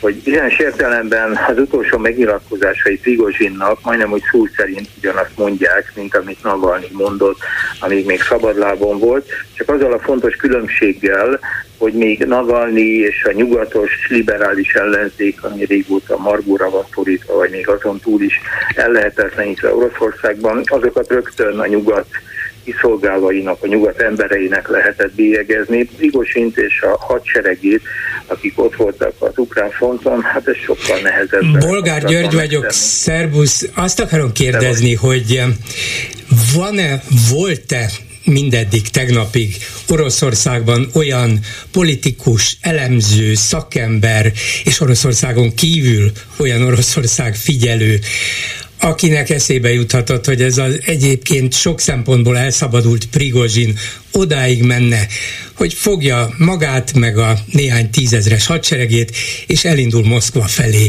Mert mint hogyha átszakadt volna valami olyan gát, ami eddig abszolút biztosnak látszott. Prigozsin Putyin embere volt, miért fordulna Moszkva ellen? Igen, őszintén szólva én biztos nem tartottam azok közé, akik feltételezték volna, hogy elindul Moszkva ellen. Nem is találkoztam olyan elemzővel, aki ezt a feltételezést megfogalmazta volna. Azt azonban gondoltam már jó ideje, hogy ő, aki hosszú időn keresztül egyértelműen Putyin teremtményének, kreatúrájának tűnt. Ha elkezd elszabadulni, és ezt az elszabadulást persze nem abban a méretekben gondoltam, mint amilyen néha az elmúlt két napban vált, akkor a titkosszolgálatok nagy örömmel le fogják venni a saktábláról. Most viszont egy olyan nehéz helyzetben és olyan határozottan teszi, amit tesz, hogy ez a feladat egyáltalán nem lesz egyszerű. Nem tudjuk egyébként, hogy az a 25 ezer harcos, amiről Prigozsin beszél, az valóban a rendelkezésére áll-e, tényleg ekkora az a zsoldos erő pillanatnyilag, ami a felügyelete alatt van. Azt se tudjuk, hogy meddig fognak tudni eljutni. Azt tudjuk, hogy az elmúlt órákban lelőttek három az orosz hadsereghez tartozó helikoptert és egy repülőgépet, tehát föl vannak fegyverezve, megfelelőképpen képzettek. Itt a következő napok nagy mértékben attól, fog, attól függenek, és aznak eseményei attól, függ, attól függően alakulnak, hogy hát egyfelől megtörik-e a hatalmi elit lojalitással, lesznek-e dezertáló csoportok. Egyébként az utóbbi időben már a politikai eliten belül többen fogalmaztak meglehetősen kritikusan a háborúval kapcsolatban, beleértve egységes Oroszország parlamenti képviselőt is. Tehát az egyik fontos kérdés az lesz, hogy a hatalmi elit csúcsán lesznek-e olyanok, akik szembefordulnak, mernek szembefordulni, és fontosnak tartják, hogy szembeforduljanak Putyinnal, illetve ami talán még ennél is fontosabb, hogy az erőszak szervezetekben lesznek-e olyanok, akik hallgatnak Prigozsinra, mert hogy Prigozsin megüzente, hogy várják mindazokat, mind a hadseregből, mind a belbiztonságból, mind a nemzeti gárdából, akik számára elfogadhatatlan ez a korrupt rendszer. Nem gondoltunk. Tehát a kérdésedre válaszolva azt kell mondani, hogy ez hát a képzelőerőmet meghaladta, hogy ilyen léptékű fordulat következik be. Azt érzékelni lehetett már hetek óta, hogy a hang nem, és mindaz, amiről beszél, az már őt kilépteti abból a korábbi teremtmény szerepből, irányított szerepből, ami hosszú-hosszú hónapokig, sőt éveken keresztül jellemezte Prigozsin, de azt nem gondoltam, hogy hát itt több ezer ember követi, és egyelőre lojális, és ennek a fegyveres felkelésnek a részese. Egyébként az orosz kormányerők nincsenek könnyű helyzetben, mert a hadsereg hadrafogható része az ott van az ukrán fronton, tehát amit mozgósítani tud most Putin, az lényegében az FSB, a Szövetségi Biztonsági Szolgálatnak a reguláris erői, mert vannak ilyenek, ilyen a Nemzeti Gárda, és ilyen Kadirov csecsen, ugyancsak a Nemzeti Gárda alá tartozó részlege. Lényegében ezek azok, akik ha szükségessé válik, akkor felveszik vele a harcot. Úgyhogy nem olyan egyszerű ez a történet. hogy mi fog történni, ezt a következő napok fogják megmutatni. Ez Bíró Zoltának nagyon szépen köszönöm, hogy a magánprogramodat megszakítva a Klubrádió rendelkezésére álltál. Szervusz viszont hallásra! Nagyon szívesen, viszont hallásra. Közben itt nézegem a híreket, persze nagyon nagy újdonság az elmúlt fél órában nem jött, de érdekes, hogy ki áll Putyin mellé, illetve ki hogyan kommentálja a nemzetközi életben. Például a Magyarországon is oly népszerű Kirill Patriárka az a Putyin melletti egységre szólított fel Prigozsin ellen természetesen. Sőt, Erdogan. És ugye Erdogan a, a másik, de egyébként ezzel nagyjából vége is azoknak a sorának, már mint a nemzetközi szereplőknek, hiszen még, még Kazaksztán elnöke is azt mondta Putyinnak, hogy belügy, ja nem, Belarus állítólag a Belarus elnök azt mondta, hogy ő természetesen Putyin mellett van, ugyanakkor egyre több olyan, hát ezek mind ellenőrizhetetlen információk egyelőre került elő, hogy azért Lukasenko a családját Törökországba menekítette volna, sőt most már látom, hogy a BBC is elindította azt a találgatást, hogy esetleg már Putyin sincs föltétlenül Moszkvában elment, nem Leningrád, most Szentpétervára, tehát, tehát hogy azért itt nagy mozgás van, de az, hogy nem állt egyelőre Törökországon kívül még NATO ország, és nyilván fontos, nagyon más Oroszország mellé azt látjuk, még az iráni vallási főtanács is azt üzente, hogy orosz belügy oldják meg. Na de Prigozsin mellé kiállt. Prigozsi mellé úgy látom, hogy nem sokan. Hát Meglátjuk például majd. van egy, egy nagyon, bocs, ez, még egy, akit én régóta követek, egy Julia Mendel nevű hölgy, aki uh, Zelenszky elnöknek volt a szóvivője nagyon sokáig, és elég jól értesült még uh, most is, és ő ezzel kapcsolatban azt írt, hogy az azért egy picit túlzás lenne, hogyha ukrán nemzeti hősnek tekintenénk uh, Prigozsint, hiszen uh, Ukrajna ellen harcol, és hogy az egyik panasza éppen az, hogy nem elég határozott az orosz hadsereg Ukrajnában, de mégis lehet, hogy azzal, amit most tesz ez a kontrollálhatatlan harcos, uh, azzal meggyenkíti azt a birodalmat, amelyel Ukrajnának most harcolnia kell. Közben itt a kollégák megüzenték, hogy már a vonalban van velünk Gyarmati István, a stratégiai szakértő volt államtitkár. Halló, szervusz, jó napot kívánok! Szervusz, jó napot kívánok!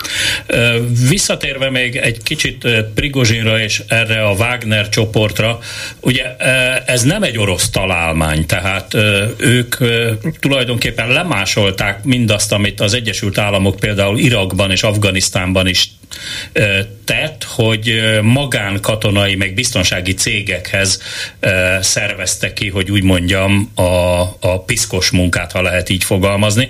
Ugye hírhet volt a Blackwater nevű amerikai katonai alvállalkozó, akik Irakban fokozatosan átvették a hadseregtől a mindazt, ami kellemetlen. Hát Prigozsinek ugyanezt tették a Wagner csoporttal egy sor afrikai meg közel-keleti országban. Így van? Hát igenis, meg nem is. Ez kétszer ugyanaz, az nem ugyanaz. Egyrészt az amerikai magánvállalatok, azok valós magánvállalatok, rendes kontraktokkal, szerződésekkel kötődnek a mondjuk a Pentagonhoz. És nem az amerikai elnök hozta őket létre. és nem feltétlenül, tehát ugye nem, nem ilyen módon finanszírozzák őket, mint a, a, az oroszok, hanem teljesen látható módon szerződésekkel, és általában ezeknek a, a, a, az amerikai és máshol is vannak ilyet vállalatoknak, ugye nem az a, nem az a feladata, hogy több ezer vagy tízezer katonával harcoljanak a hadszintéren, ugye ezek leginkább arra vállalkoznak, hogy olyan feladatokat, amit a civilek el tudnak látni, vagy talán még jobban el tudnak látni, mint a, mint a katonák, vagy olcsóbban, hogy azt, azt tegyék, tehát logisztikai feladatokat például, vagy internet kezelés feladatokat, ugye ebbe beleértendő a mondjuk drónoknak a, a, az irányítása is. Tehát nem, nem arról van szó, hogy itt tömegével, tízezrével katonák harcolnának magáncégek részéről, ezt nem csinálják az amerikaiak. Mint ahogy nem terrorizálják tömegesen a civil lakosságot, ahogy ez például, ha jól emlékszem, a Wagner csoport a Szíriában előfordult. Persze, és nincsen nekik egyébként politikai irányvonaluk. Ugye a Wagner csoportról teljesen egyértelműen tudjuk, hogy egy szélsőséges, szélső jobboldali fasiszta náci, akár ideológiának a, a hordozói, ugye ha ha, ha csak a nevét, ugye sokan nem tudják, hogy honnan származik a, a neve, hogy miért hívják Wagnernek. Ugye a, a, a, azért hívják Wagner csoportnak őket, mert a, a katonai rész alakítója egy Utkin nevű ezredes, aki az orosz speciális alakulatoknak volt az alezredese az első és a második csecsen háborúban. Ugye ő Hitler rajongója volt, és Hitler kedvenc zeneszerzője, a nácizmus zenei kifejezője, ő szerint Wagner volt, és innen származik a, a, az ő hívó neve volt az, hogy Wagner, és innen származik csoportnak a neve. Ja, hát azt gondoltam, hát, hogy nem a bajrajti ünnepi játékok miatt uh, hívják őket így. No de uh, komolyra uh, fordítva a szót, uh, változtathat ez a katonai lázadás az ukrán-orosz háború menetén? Egész, egész Oroszországot megváltoztatja ez a, ez a rázadás. Nyilván a, a, a háborúra is hatással lesz. Hát ugye egyrészt kiesik a, a Wagner csoport, mint harcoló alakulat, ami hát az elég lényeges szerepet játszott, hogy a Bakutnál gyakorlatilag ők vitték a primet, ők harcoltak nagyon sokáig, és hát továbbra is számított rájuk, vagy számíthatott rájuk az orosz katonai vezetés, már most kis szünetet tartottak volna. Ugye hát ez, a, ez, ez most kiesik nyilvánvalóan ez a, ez a segédcsapat, az nem fog harcolni Ukrajnában. De hát az, egész, az egésznek a hatása az orosz katonai vezetésnek a, a morájára, az orosz hadseregnek a morájára vezetésének morájára, tehát egyszerűen azt gondolom, hogy egyelőre felmérhetetlen Putyinnak a, a sebezhetetlensége, ez a mítosz is alaposan megrongálódik. Hát egészen más Oroszországot fogunk látni három nap múlva, mint ami volt ezelőtt két héttel. Bolgár György vagyok, szervusz. A kérdésem az, hogy akkor is így igaz, amit mondtál, hogy egész más Oroszországot látunk, ha három nap múlva vagy 24 órán belül Prigozsint kinyírják, a Wagner csoportot leállítják, szétverik, és akkor is, hogyha a különböző hadműveletek Oroszországon belül esetleg még egy-két hétig folytatódnak, tehát még, még ha Prigozsinék valamilyen katonai vagy politikai támogatást szereznek is, akkor értem a nagy változást, de ha Putyin két nap alatt bemutatja, hogy a helyén van, az orosz rendszer erős, a lázadókat megbüntetik, felakasztják, és így tovább, akkor nem tudja megerősíteni a hatalmát? Hát már, be, már meggyengült, hát ez hát ki gondolja azt, hogy van egy vezető, egy diktátor, aki erős vezetőnek mutatja magát, gondolom annak is tartja magát, és akkor csak úgy több tízezer katona föllázad ellene, és Moszkva ellen vonul. Hát nagyon nehéz lesz ezek után bemutatni azt, hogy a Kreml vezetése egységes, és mindenki egyértelműen Putyin mögött áll.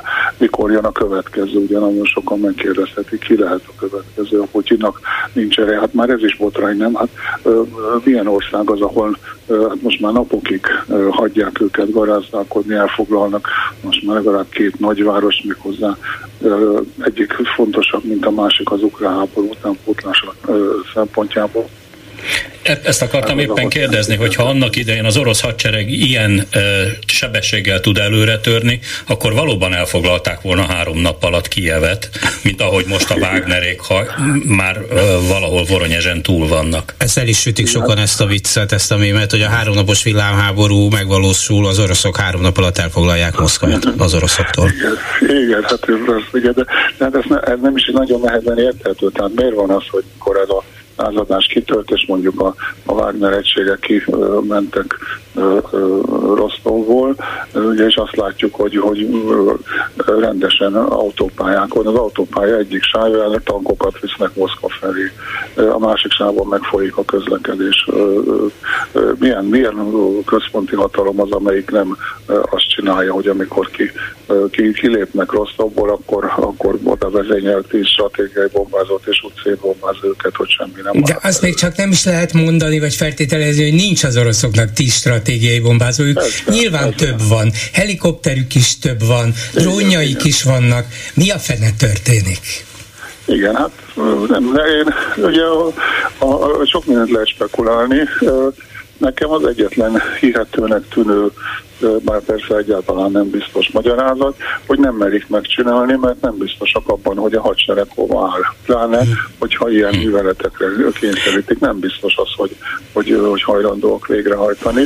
Lehet, hogy a vezetés, az hadsereg felső vezetése eddig szemmel látható nem állt Prigozsin mellé, bár ugye akik megszólaltak, azok Szurabikin például ugye azok Prigozsin szövetségesei voltak, tehát ugye nem, nem feltétlenül a, a, a Solygó vonal viszi most a privatizás, se Solygót, se Geraszimovot nem hallottuk, de az, hogy a felső vezetés mondjuk nem áll ki Prigozsin ellen, Putyin, még Putyin mellett sem, legalábbis a nagy része, ugye az azt is jelezheti, hogy, hogy félnek attól, hogy az alsóbb szinteken nem hajtanak végre azt a parancsot, amit ők szívesen kiadnak.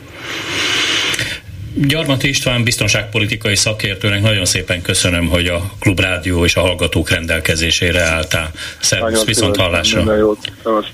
És persze itt a hírek mindig bizonytalanok, de az Ukrán Frontvonal című hírsz oldal, aminek régóta figyelem a híreit, és relatíve megbízhatónak tűnnek, már azt mondja, hogy a Wagner hadoszlópai beléptek a moszkvai régióba, és hát itt a Tula mögötti részre rajzolják már be a térképre. És amit Akkor ez azt jelenti, hogy igen gyorsan, gyakorlatilag akadálytalanul haladnak az M4-es autópályán. Igen, igen az M4-es felé. autópályán haladnak, hogy vettek-e autópályámat észre. És, uh, Szerintem T72-esre nem kell.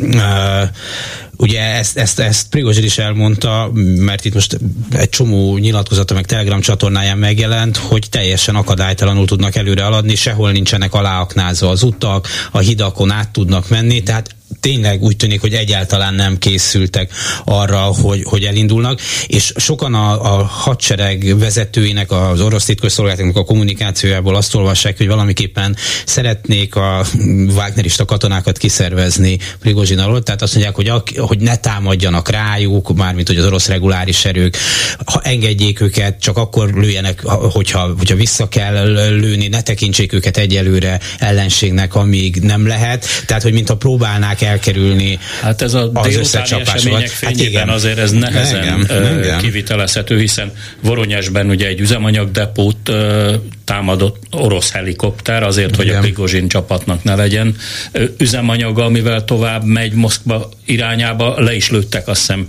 két helikoptert és egy Su-25-ös harci repülőgépet, valamint egy szállítógépet Prigozsinék, tehát itt a dolog meglehetősen furcsa. Nem. Viszont, bocsánat, a, arról vannak képek, hogy a csecsen erők hadoszlopai elérték volna Rostovot. Igen, ezt délután láttam én is, a BTR 80-as lövész páncélosok, ez a Kadirov féle csapat. Kad, Lehet, hogy ez a nagy haditerv, hogy a csecsenekkel intéztetik el a Wagner csoportot? Ez belefér. Vagy nekem még az is megfordult a fejemben, hogy bár ez a Prigozsin nem százas, nem tudom hányas, az biztos, hogy az életútját figyelve, meg az elmúlt hetek, hónapok nyilatkozatait figyelve, hát egy elvadult ember minden szempontból. De nem most de nem, le a fal de nem, Igen, de, de nem butta, és rengeteg tapasztalata és kapcsolata van. Annyira elvadultnak és őrültnek nem tudom elképzelni őt, hogy azt mondja, hogy na, én annyira dühös vagyok erre az egész orosz hadvezetésre, nem hallgattak rám, elindulok Rostov felé, Voronyos felé, beveszem Moszkvát, aztán Putyinnal majd átöleljük egymást, megveregetjük egymás vállát, milyen nagyszerű lesz. Ehhez biztos, hogy kellett néhány kulcsember, akivel ő erre előre titokban mm-hmm. valamit, valamennyire biztosította magát, és akkor talán ez is magyarázza azt, hogy most már több mint fél napja megy ez a dolog, és nem történik lényegében semmi. De, erről, hogy, Bocsánat, de, erről is vannak, de erről is voltak mindenféle találgatások. Egyrészt, hogy például nem lehet-e, hogy megvezették Moszkvából Prigozsin, tehát azt mondták, hogy melléd állunk, és aztán így, morzsolják föl. Lehet, hogy egy kicsit túl kombináljuk mi ezt a Abszolút, dolgot, de, hogy... De várj, bocsánat, csak a, a, a kombinációk túlsó végén pedig az van, hogy honnan tudjuk, hogy nincsenek-e alvó egységei, alvó ügynökei, hmm. van azért több talán Moszkvában, akik mikor már közel vannak, akkor összekapják magukat, nem is kell megvárni, hogy odaérjenek az M4-es úton. De ha én orosz elnök volnék, de nem vagy, de hát, hát nincs sok esélyem rá, akkor azt mondom, elindult egy ekkora haderő Moszkva felé, és még ráadásul mindenféle átkokat szórám, hát azonnal kikészíteni, megállítani, szétlőni őket. Hát az oroszoktól ráadásul ez nem is idegen. Miért nem történik ez? Vajon? Na, ö, erre szerintem nagyszerű választ fogadni. Székely Árpád volt moszkvai nagykövet, aki ö, szerintem ma is ö, követi, hogy pontosan mi zajlik ö, Moszkvában. Halló, jó napot kívánok, szervusz! Halló, jó napot, szervusz! No, ö, elképzelhetőnek tartod-e azt, amiről itt az elmúlt percekben beszéltünk, hogy ö, vajon Prigozsinnak vannak-e szövetségesei az orosz oligarchákon, vagy az orosz hatalmi eliten belül, és tulajdonképpen az egész egy előre lejátszott forgatókönyv szerint zajlik. Mit gondolsz? Én a úrral ellentétben sokkal inkább fölkészültnek tartom a Prigozsint. Nem tartom annyira nem százasnak. Ez szerintem ő tervezte. Ez nem egy kipattant az agyából történet. A provokációk, a Sojgu elleni támadások szintén kiszámítottak voltak szerintem. Sojgu nem egy népszerű hadseregben, Sojgu nem kapott mint ahogy Putinnak is igazából elég bonyolult a kapcsolat a hadsereggel, hiszen az FSB és a hadsereg között sosem volt felhűtlen a kapcsolat. Ők egymás konkurensei hatalmi szempontból. Tessék? Tehát az FSB, a titkosszolgálat és a hadsereg egymás konkurensei hatalomtechnikai szempontból. Igen, igen, és a szovjet időkhöz hasonlóan az FSB belül van belső katonai elhárítás. KGB-n belül meg egyértelmű ott volt a katonai belső elhárítás, tehát ergo az FSB-sek figyelik azt, hogy van itt a rossz katona. Tehát ebből fakadóan azért van egy bonyolult összetett vissza eredendő. A másik, hogy beszéltem egy volt csoportársammal, aki nem kimondottan nevezhető Putin hívőnek, de eléggé objektíven, reálisan szokta nézegetni a dolgokat, és ő azt mondja, hogy a szociális médiában, tehát ez a Fantastia, ugye, tehát ez a Facebook nincs Oroszországban, de más Instagram és hasonló csatornákon a túlnyomó többség a Prigozsin mellett van hangulatilag. Ő azt mondja, hogy... Ez több, mint meglepő az, az elmúlt uh, hónapok uh, eseményeit ismerve. Igen. Ugye az van, hogy ugye a represszióval elnyomták a valódi véleményeket. Tehát igazából nem volt vele senki sem tisztában, hogy mi is a valódi vélemény. És ugye ő azt mondja, hogy most kitört az orosz egyszerű emberből, hogy ő fogalmaz a ruszki muzsikból, kitört az, hogy na most elege van. És ugye ez egy felszabadíthat egy gátat. Tehát, hogy ez egy olyan effektus, mint ahogy a kuktában for, for, for, aztán egyszer csak Így a biztonsági van. szelepen keresztül kirobban az egész? Így van, és aztán azt se felejtjük el, hogy a Putin inkább ér buborékban, mint a Prigozsin. Tehát a Prigozsin azért, amikor börtönökbe is mászkált, meg a fronton, meg oda-vissza, ő azért találkozott az utca emberével, ő azért nagyon sok emberrel kommunikált, és van az elit tagjaival, miközben az elit tagjai között is nyilván vannak kapcsolatai tovább. Kedves nagykövet úr, szerintem a mi véleményünk nem tér el alapvetően, mert én is azt mondtam, hogy lehet, hogy Prigozsin nem százas, az is lehet, hogy elvadult, de azt nem igen tudom elképzelni, hogy egy ilyen akciót csak hirtelen felindulásból követne el. Feltételezem, nem, nem, nem. hogy valakikkel valamilyen egyeztetése megállapodása, vagy legalább bíztatása volt, hogy ha én elindulok, akkor ti ezt vagy ezt csináljátok, vagy nem? Elképzelhető. Nekem nagyon beszédes az, hogy Sojgutól nem láttam nyilatkozatot, Gerasimovtól nem láttam nyilatkozatot, Konosenko, azt hiszem, úgy hívják a hadsereg szóvé, az sem nyilatkozott. Ellenben nyilatkozott Mariski, aki ebben a tekintetben kakukfióka, mert ugye ő a külföldi polgári hírszerzésnek a főnöke, és ő az a titkosszolgálati vezető, aki vélhetőleg ellenezhette a háborút, mert emlékszünk rá, hogy a háború előestéjén ő volt az, aki nyilvánosan Putyin helyre utasított, hogy na, mondja már ki egyértelműen, hogy ma is, hogy ön is mellette van. És most meg ő nyilatkozik, hogy a, hogy a felkelésnek vége. Tehát én azt érzékelem, hogy egyrészt káosz van Moszkvában. Ugye ezek az hírek, hogy Putyin elrepült, nem repült el, stb. stb. Mi is a próbáltuk a flight radaron követni az orosz elnöki flotta mozgását már amennyi ebből látszott, de ott ugye úgy tűnt, hogy Peszkov szóvivő azt mondta, hogy Putyin is, meg Mishustin miniszterelnök is a helyén van és dolgoznak. Volt ez délután.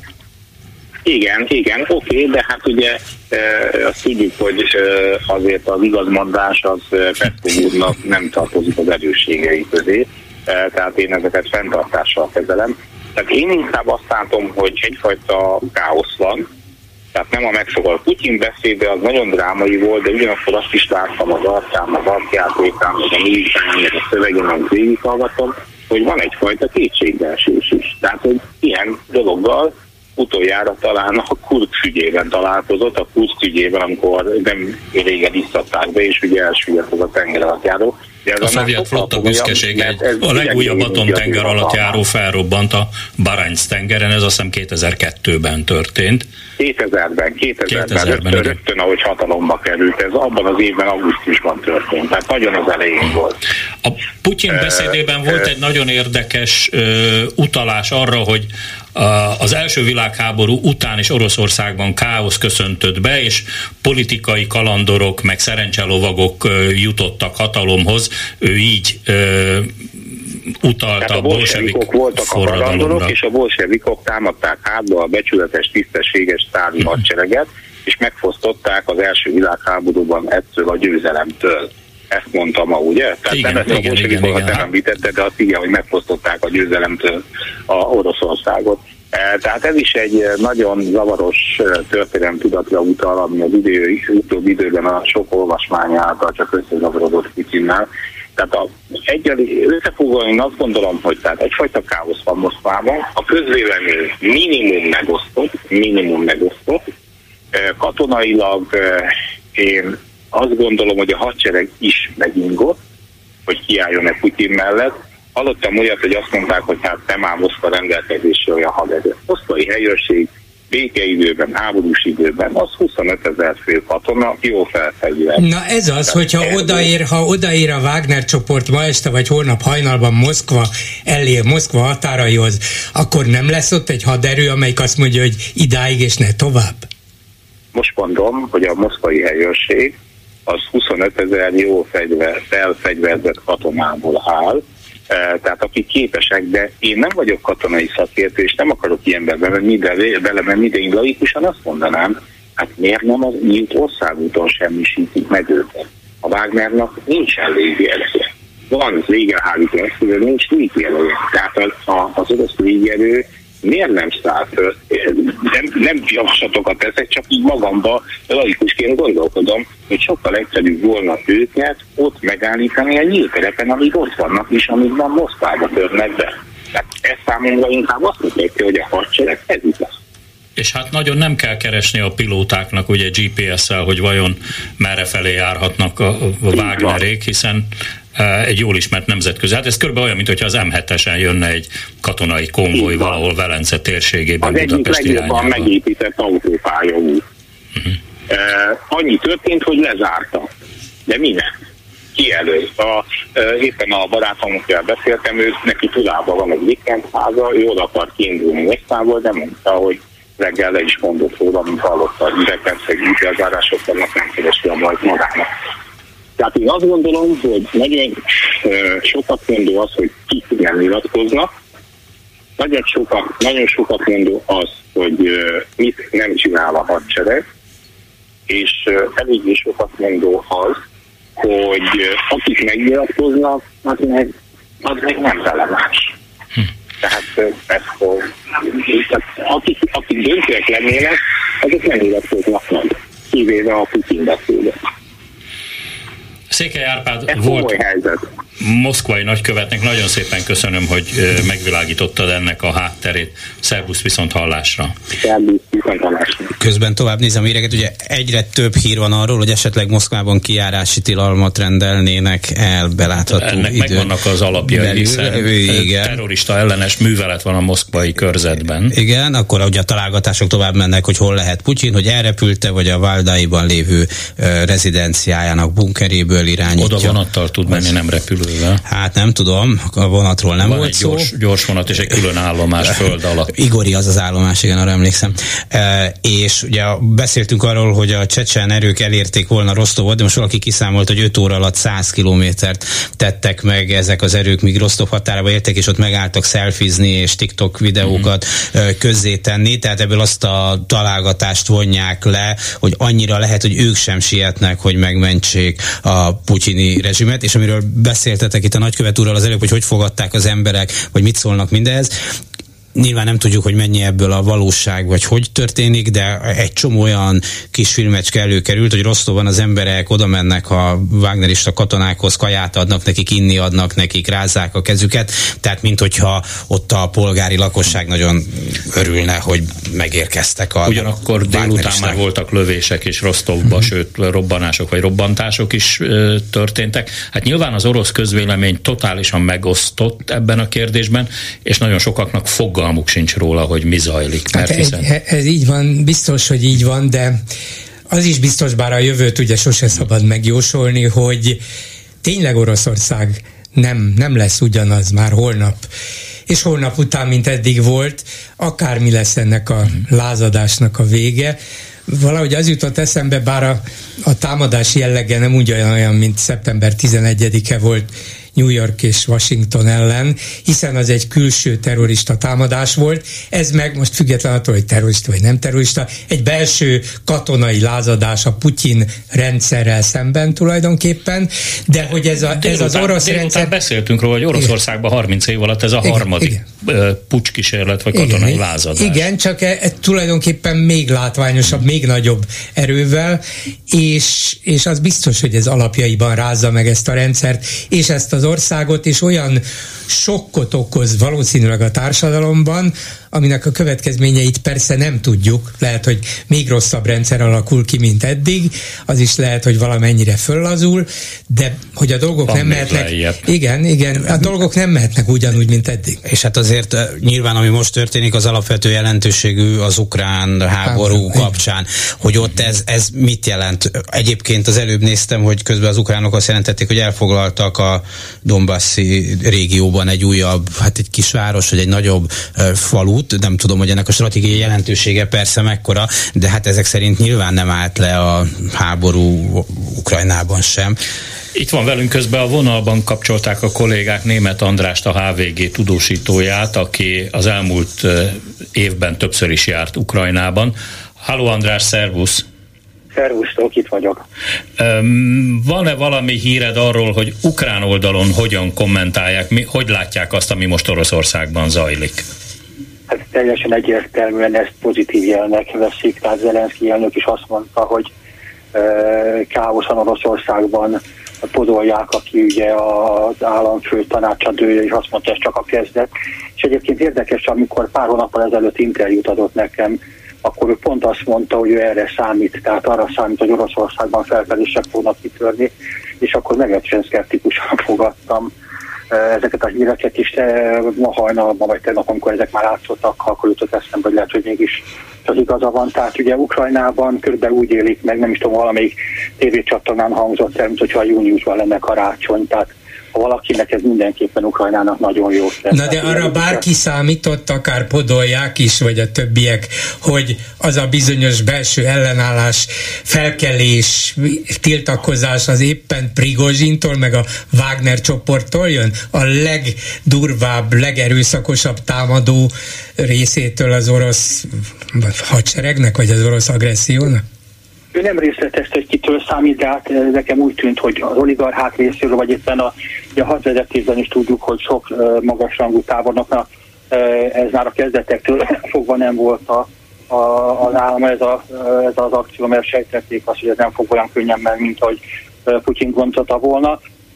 De ez, ezt mindenképpen meglepő, hogy Prigozsin tette ez, bár az utóbbi napokban azért ez szemmel láthatólag éleződött a feszültség, és nagyon fontos dolog szerintem az, hogy hogy ugye arra hivatkozott, hogy azért indult el ez a menet Moszkva felé, mert hogy légierővel megtámadták az ő egyik táborát, és több ember meghalt, de én abban biztos vagyok, hogy, hogy ez azért régóta terveződött. Tehát ugye elhangzott ez, hogy 25 ezer 25 ezer emberrel megy Moszkva felé, nem lehet egy-két nap alatt megszervezni egy ilyen menetet, nem lehet egy-két nap alatt szólni az embereknek, hogy mikor kell indulni, nem lehet megszervezni a logisztikáját ennek tehát én szerintem ez már eh, Prigozsinnál régóta tervben volt, és uh, az, innentől fogva nekem az a meglepetés, hogy az orosz szolgálat erről nem tudott, vagy legalábbis nem próbálta megakadályozni. Épp ezt akartam kérdezni, hogy ha tíz ember tud róla a Oroszországban, akkor, már akkor közötte biztos, hogy van egy titkos ügynök.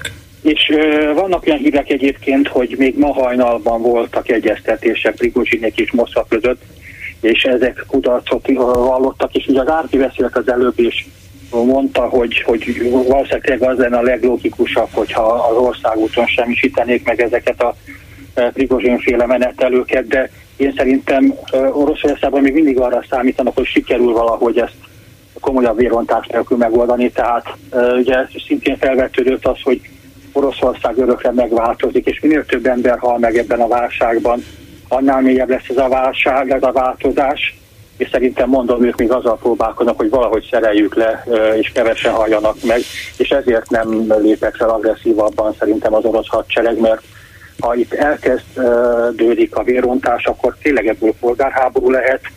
Ugye az is elhangzott, János mondta az előbb, hogy a, a rostoviak közül többen üdvözölték a, a Prigozsinféle katonákat, viszont a másik fel a lakosságnak amit mondjuk a TASZ meg ilyenek tesznek közé videókat, ott viszont pont azt mondják, hogy mit gondoltok, menjetek haza harcolatok Oroszországért.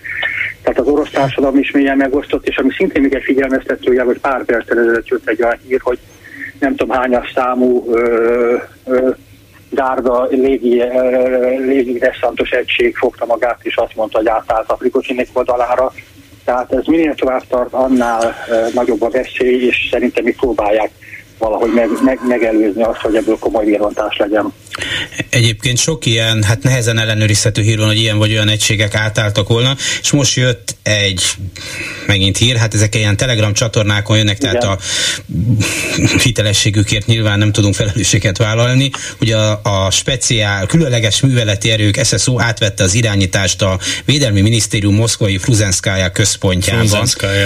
Nem lehet tudni, hogy kinek az oldalán állnak, Solygó vagy Prigozsin oldalán, valószínűleg mm, vétenci, várjatok, és majd megnézzük, és utána tesznek is közé ilyen filmecskéket, amint egy katonai konvoj halad állítólag erre felé. Tehát most... ez a hadsereg felső vezetésében is valamiféle ellentmondások sorát mutathatja, gondolom. A képteljességhez azért az is hozzátartozik, hogy amit kevesebben tudnak itthon, hogy Prigozsinnak legalább két ö, olyan internetes cége van, amit kommunikációs szempontból mondjuk a Cambridge Analytikához lehet hasonlítani.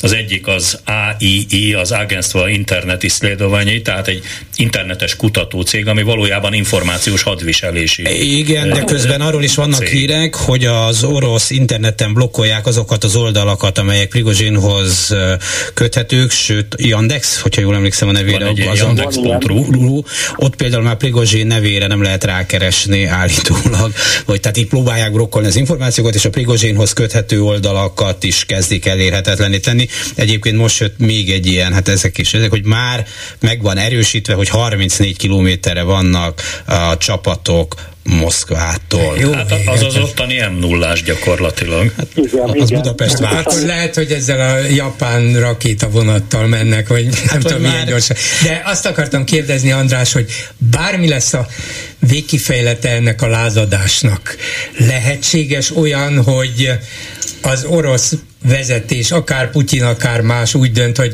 na jó, hát akkor ebből az a tanulság, hogy abba hagyom az Ukrajna ellen folytatott háborút. Én, én ezt kizártnak tartom, tehát Putyin, hogyha itt felülkerekedik, ugyanúgy fogja szerintem próbálni folytatni ezt a háborút, tehát én, én szeretném, hogyha itt nem béke lenne, és Oroszország visszavonná erőit, de nem bízok abban, hogyha hogy, hogy Putyin ettől jobb belátásra térne. Tehát ő nem az a politikus, aki visszaszokott lépni, és egyre kevésbé tűnik olyannak. Tehát én szerintem, tehát megnéztem ezt a beszédet, amit elmondott, ezt az öt perces beszédet, ez tele volt olyan dolgokkal, meg semmi köze nincs az igazsághoz, akár a történelmet nézzük, akár a jelenlegi helyzetet.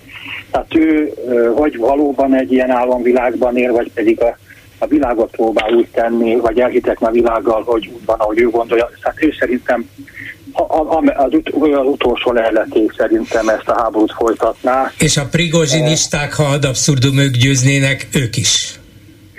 Nem tudom. Tehát akkor viszont olyan felfogulás lenne ebben az országban, tehát én szerintem a prigozsinisták nem tudnak győzni. Tehát én szerintem, hogy ha nem sikerül őket leszerelni egy-két-három-négy napon belül, akkor ebből egy akár egy polgárháború is lehet. És akkor lehet, hogy vége lesz az ukrajnai háborúnak.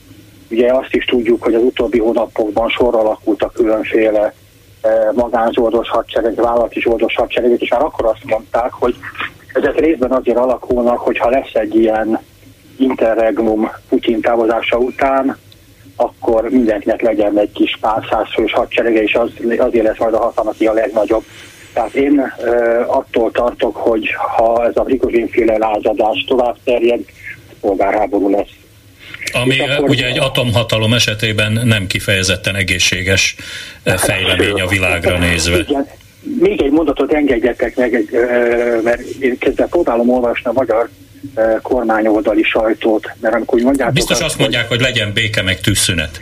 Nem, ami szám egyrészt, de a másik pedig, hogy hónapokon keresztül a, ugye Bakmutat otthomolt a Prigozsin-féle Wagner csoport, akkor gyakorlatilag emberfeletti hősöknek mutatták be ezeket a e, kiváló katonákat. Ma már az hangzik el, hogy a bérgyilkosok vezére fenyeget. Ez a tehát, magyar kormánypárti sajtó. Az, igen. Igen, tehát nem lehetne kétségeink, hogy a mi kiváló kormánypártunk kinek a pártánál ebben a, a válságban, ami megint elkeserítő tulajdonképpen és valószínűleg ők is attól tartanak, hogy ha itt nem lesz nagyon gyorsan Putyinféle győzelem, akkor veszélybe sodródik az egész magyar külpolitika, mert esetleg az ukránok felülterekednek, és nem lesz meg az a fajta ukrán kapituláció, ami a magyar külpolitikának az egyik célja lehet sajnos. Itt ugyan Hardi Misi jelzi, hogy vége a dolognak, de egy mondatos az válasz. igen, van vége, annak, nem a dolognak. Hát az nem számít. Szóval a dolognak nincs valóban. Szóval, de egy mondatos válaszban mégis el lehet intézni, hogy lehetséges az, hogyha ez még néhány napig eltart, akkor az ukrán haderő egy valóban általános támadást, offenzívát tud indítani? Ez megint nem olyan, hogy, hogy ma eldöntöm, hogy holnap után általános offenzívát indítok, tehát ez is szerintem legalább egy hét, amíg azért annyi erőt összevonnak, tehát az biztos, hogy aktivizálódni fognak az ukrán erők, az is biztos, hogy erről így nem esett szó, de állítólag ezek az ukrajna párti orosz csapatok is aktivizálták magukat, tehát ők is segítik a putyinékat. Tehát ez mindenképpen az ukrán aktivitás nőni fogja, de szerintem nem haza közelebb ezt a tervezett nagy offenzívát. Német Andrásnak, a HVG újságírójának nagyon szépen köszönöm, hogy a rendelkezésünkre álltál, és mindezt elmondtad a hallgatóinknak. Szervusz viszont hallásra. Szervusz viszont hallásra. És közben az orosz külügyminisztérium is megtalálta az egyik bűnöst, azt mondják, hogy innen figyelmeztetjük a nyugati hatalmakat, hogy az orosz országi helyzetet ne próbálják russzofób céljaikra kihasználni, tehát a Wagner a russzofób. Tehát ha még egyszer levesznek egy Csajkovszki koncertet valahol egy operában a műsorról. műsorról, akkor irgumburgum lesz. Viszont sajnos a fizikát és az idő törvényeit mi sem tudjuk átlépni, úgyhogy nagyon szépen köszönöm Dési Jánosnak és Bolgár Györgynek, hogy befáradtatok így rendkívüli módon a hetes stúdió második órájára. A hetes stúdió adásában közreműködött Túri Lui kollégám, Laj Viktória, Kemény Dániel, és Horváth Ádám, az adást Csernyánszki Judit szerkesztette, elköszön a műsorvezető, önök Hardi Mihályt hallották. Köszönöm szépen, legyen szebb hétvégéjük. A hetes stúdiót a Klubrádió közéleti politikai magazinját hallották.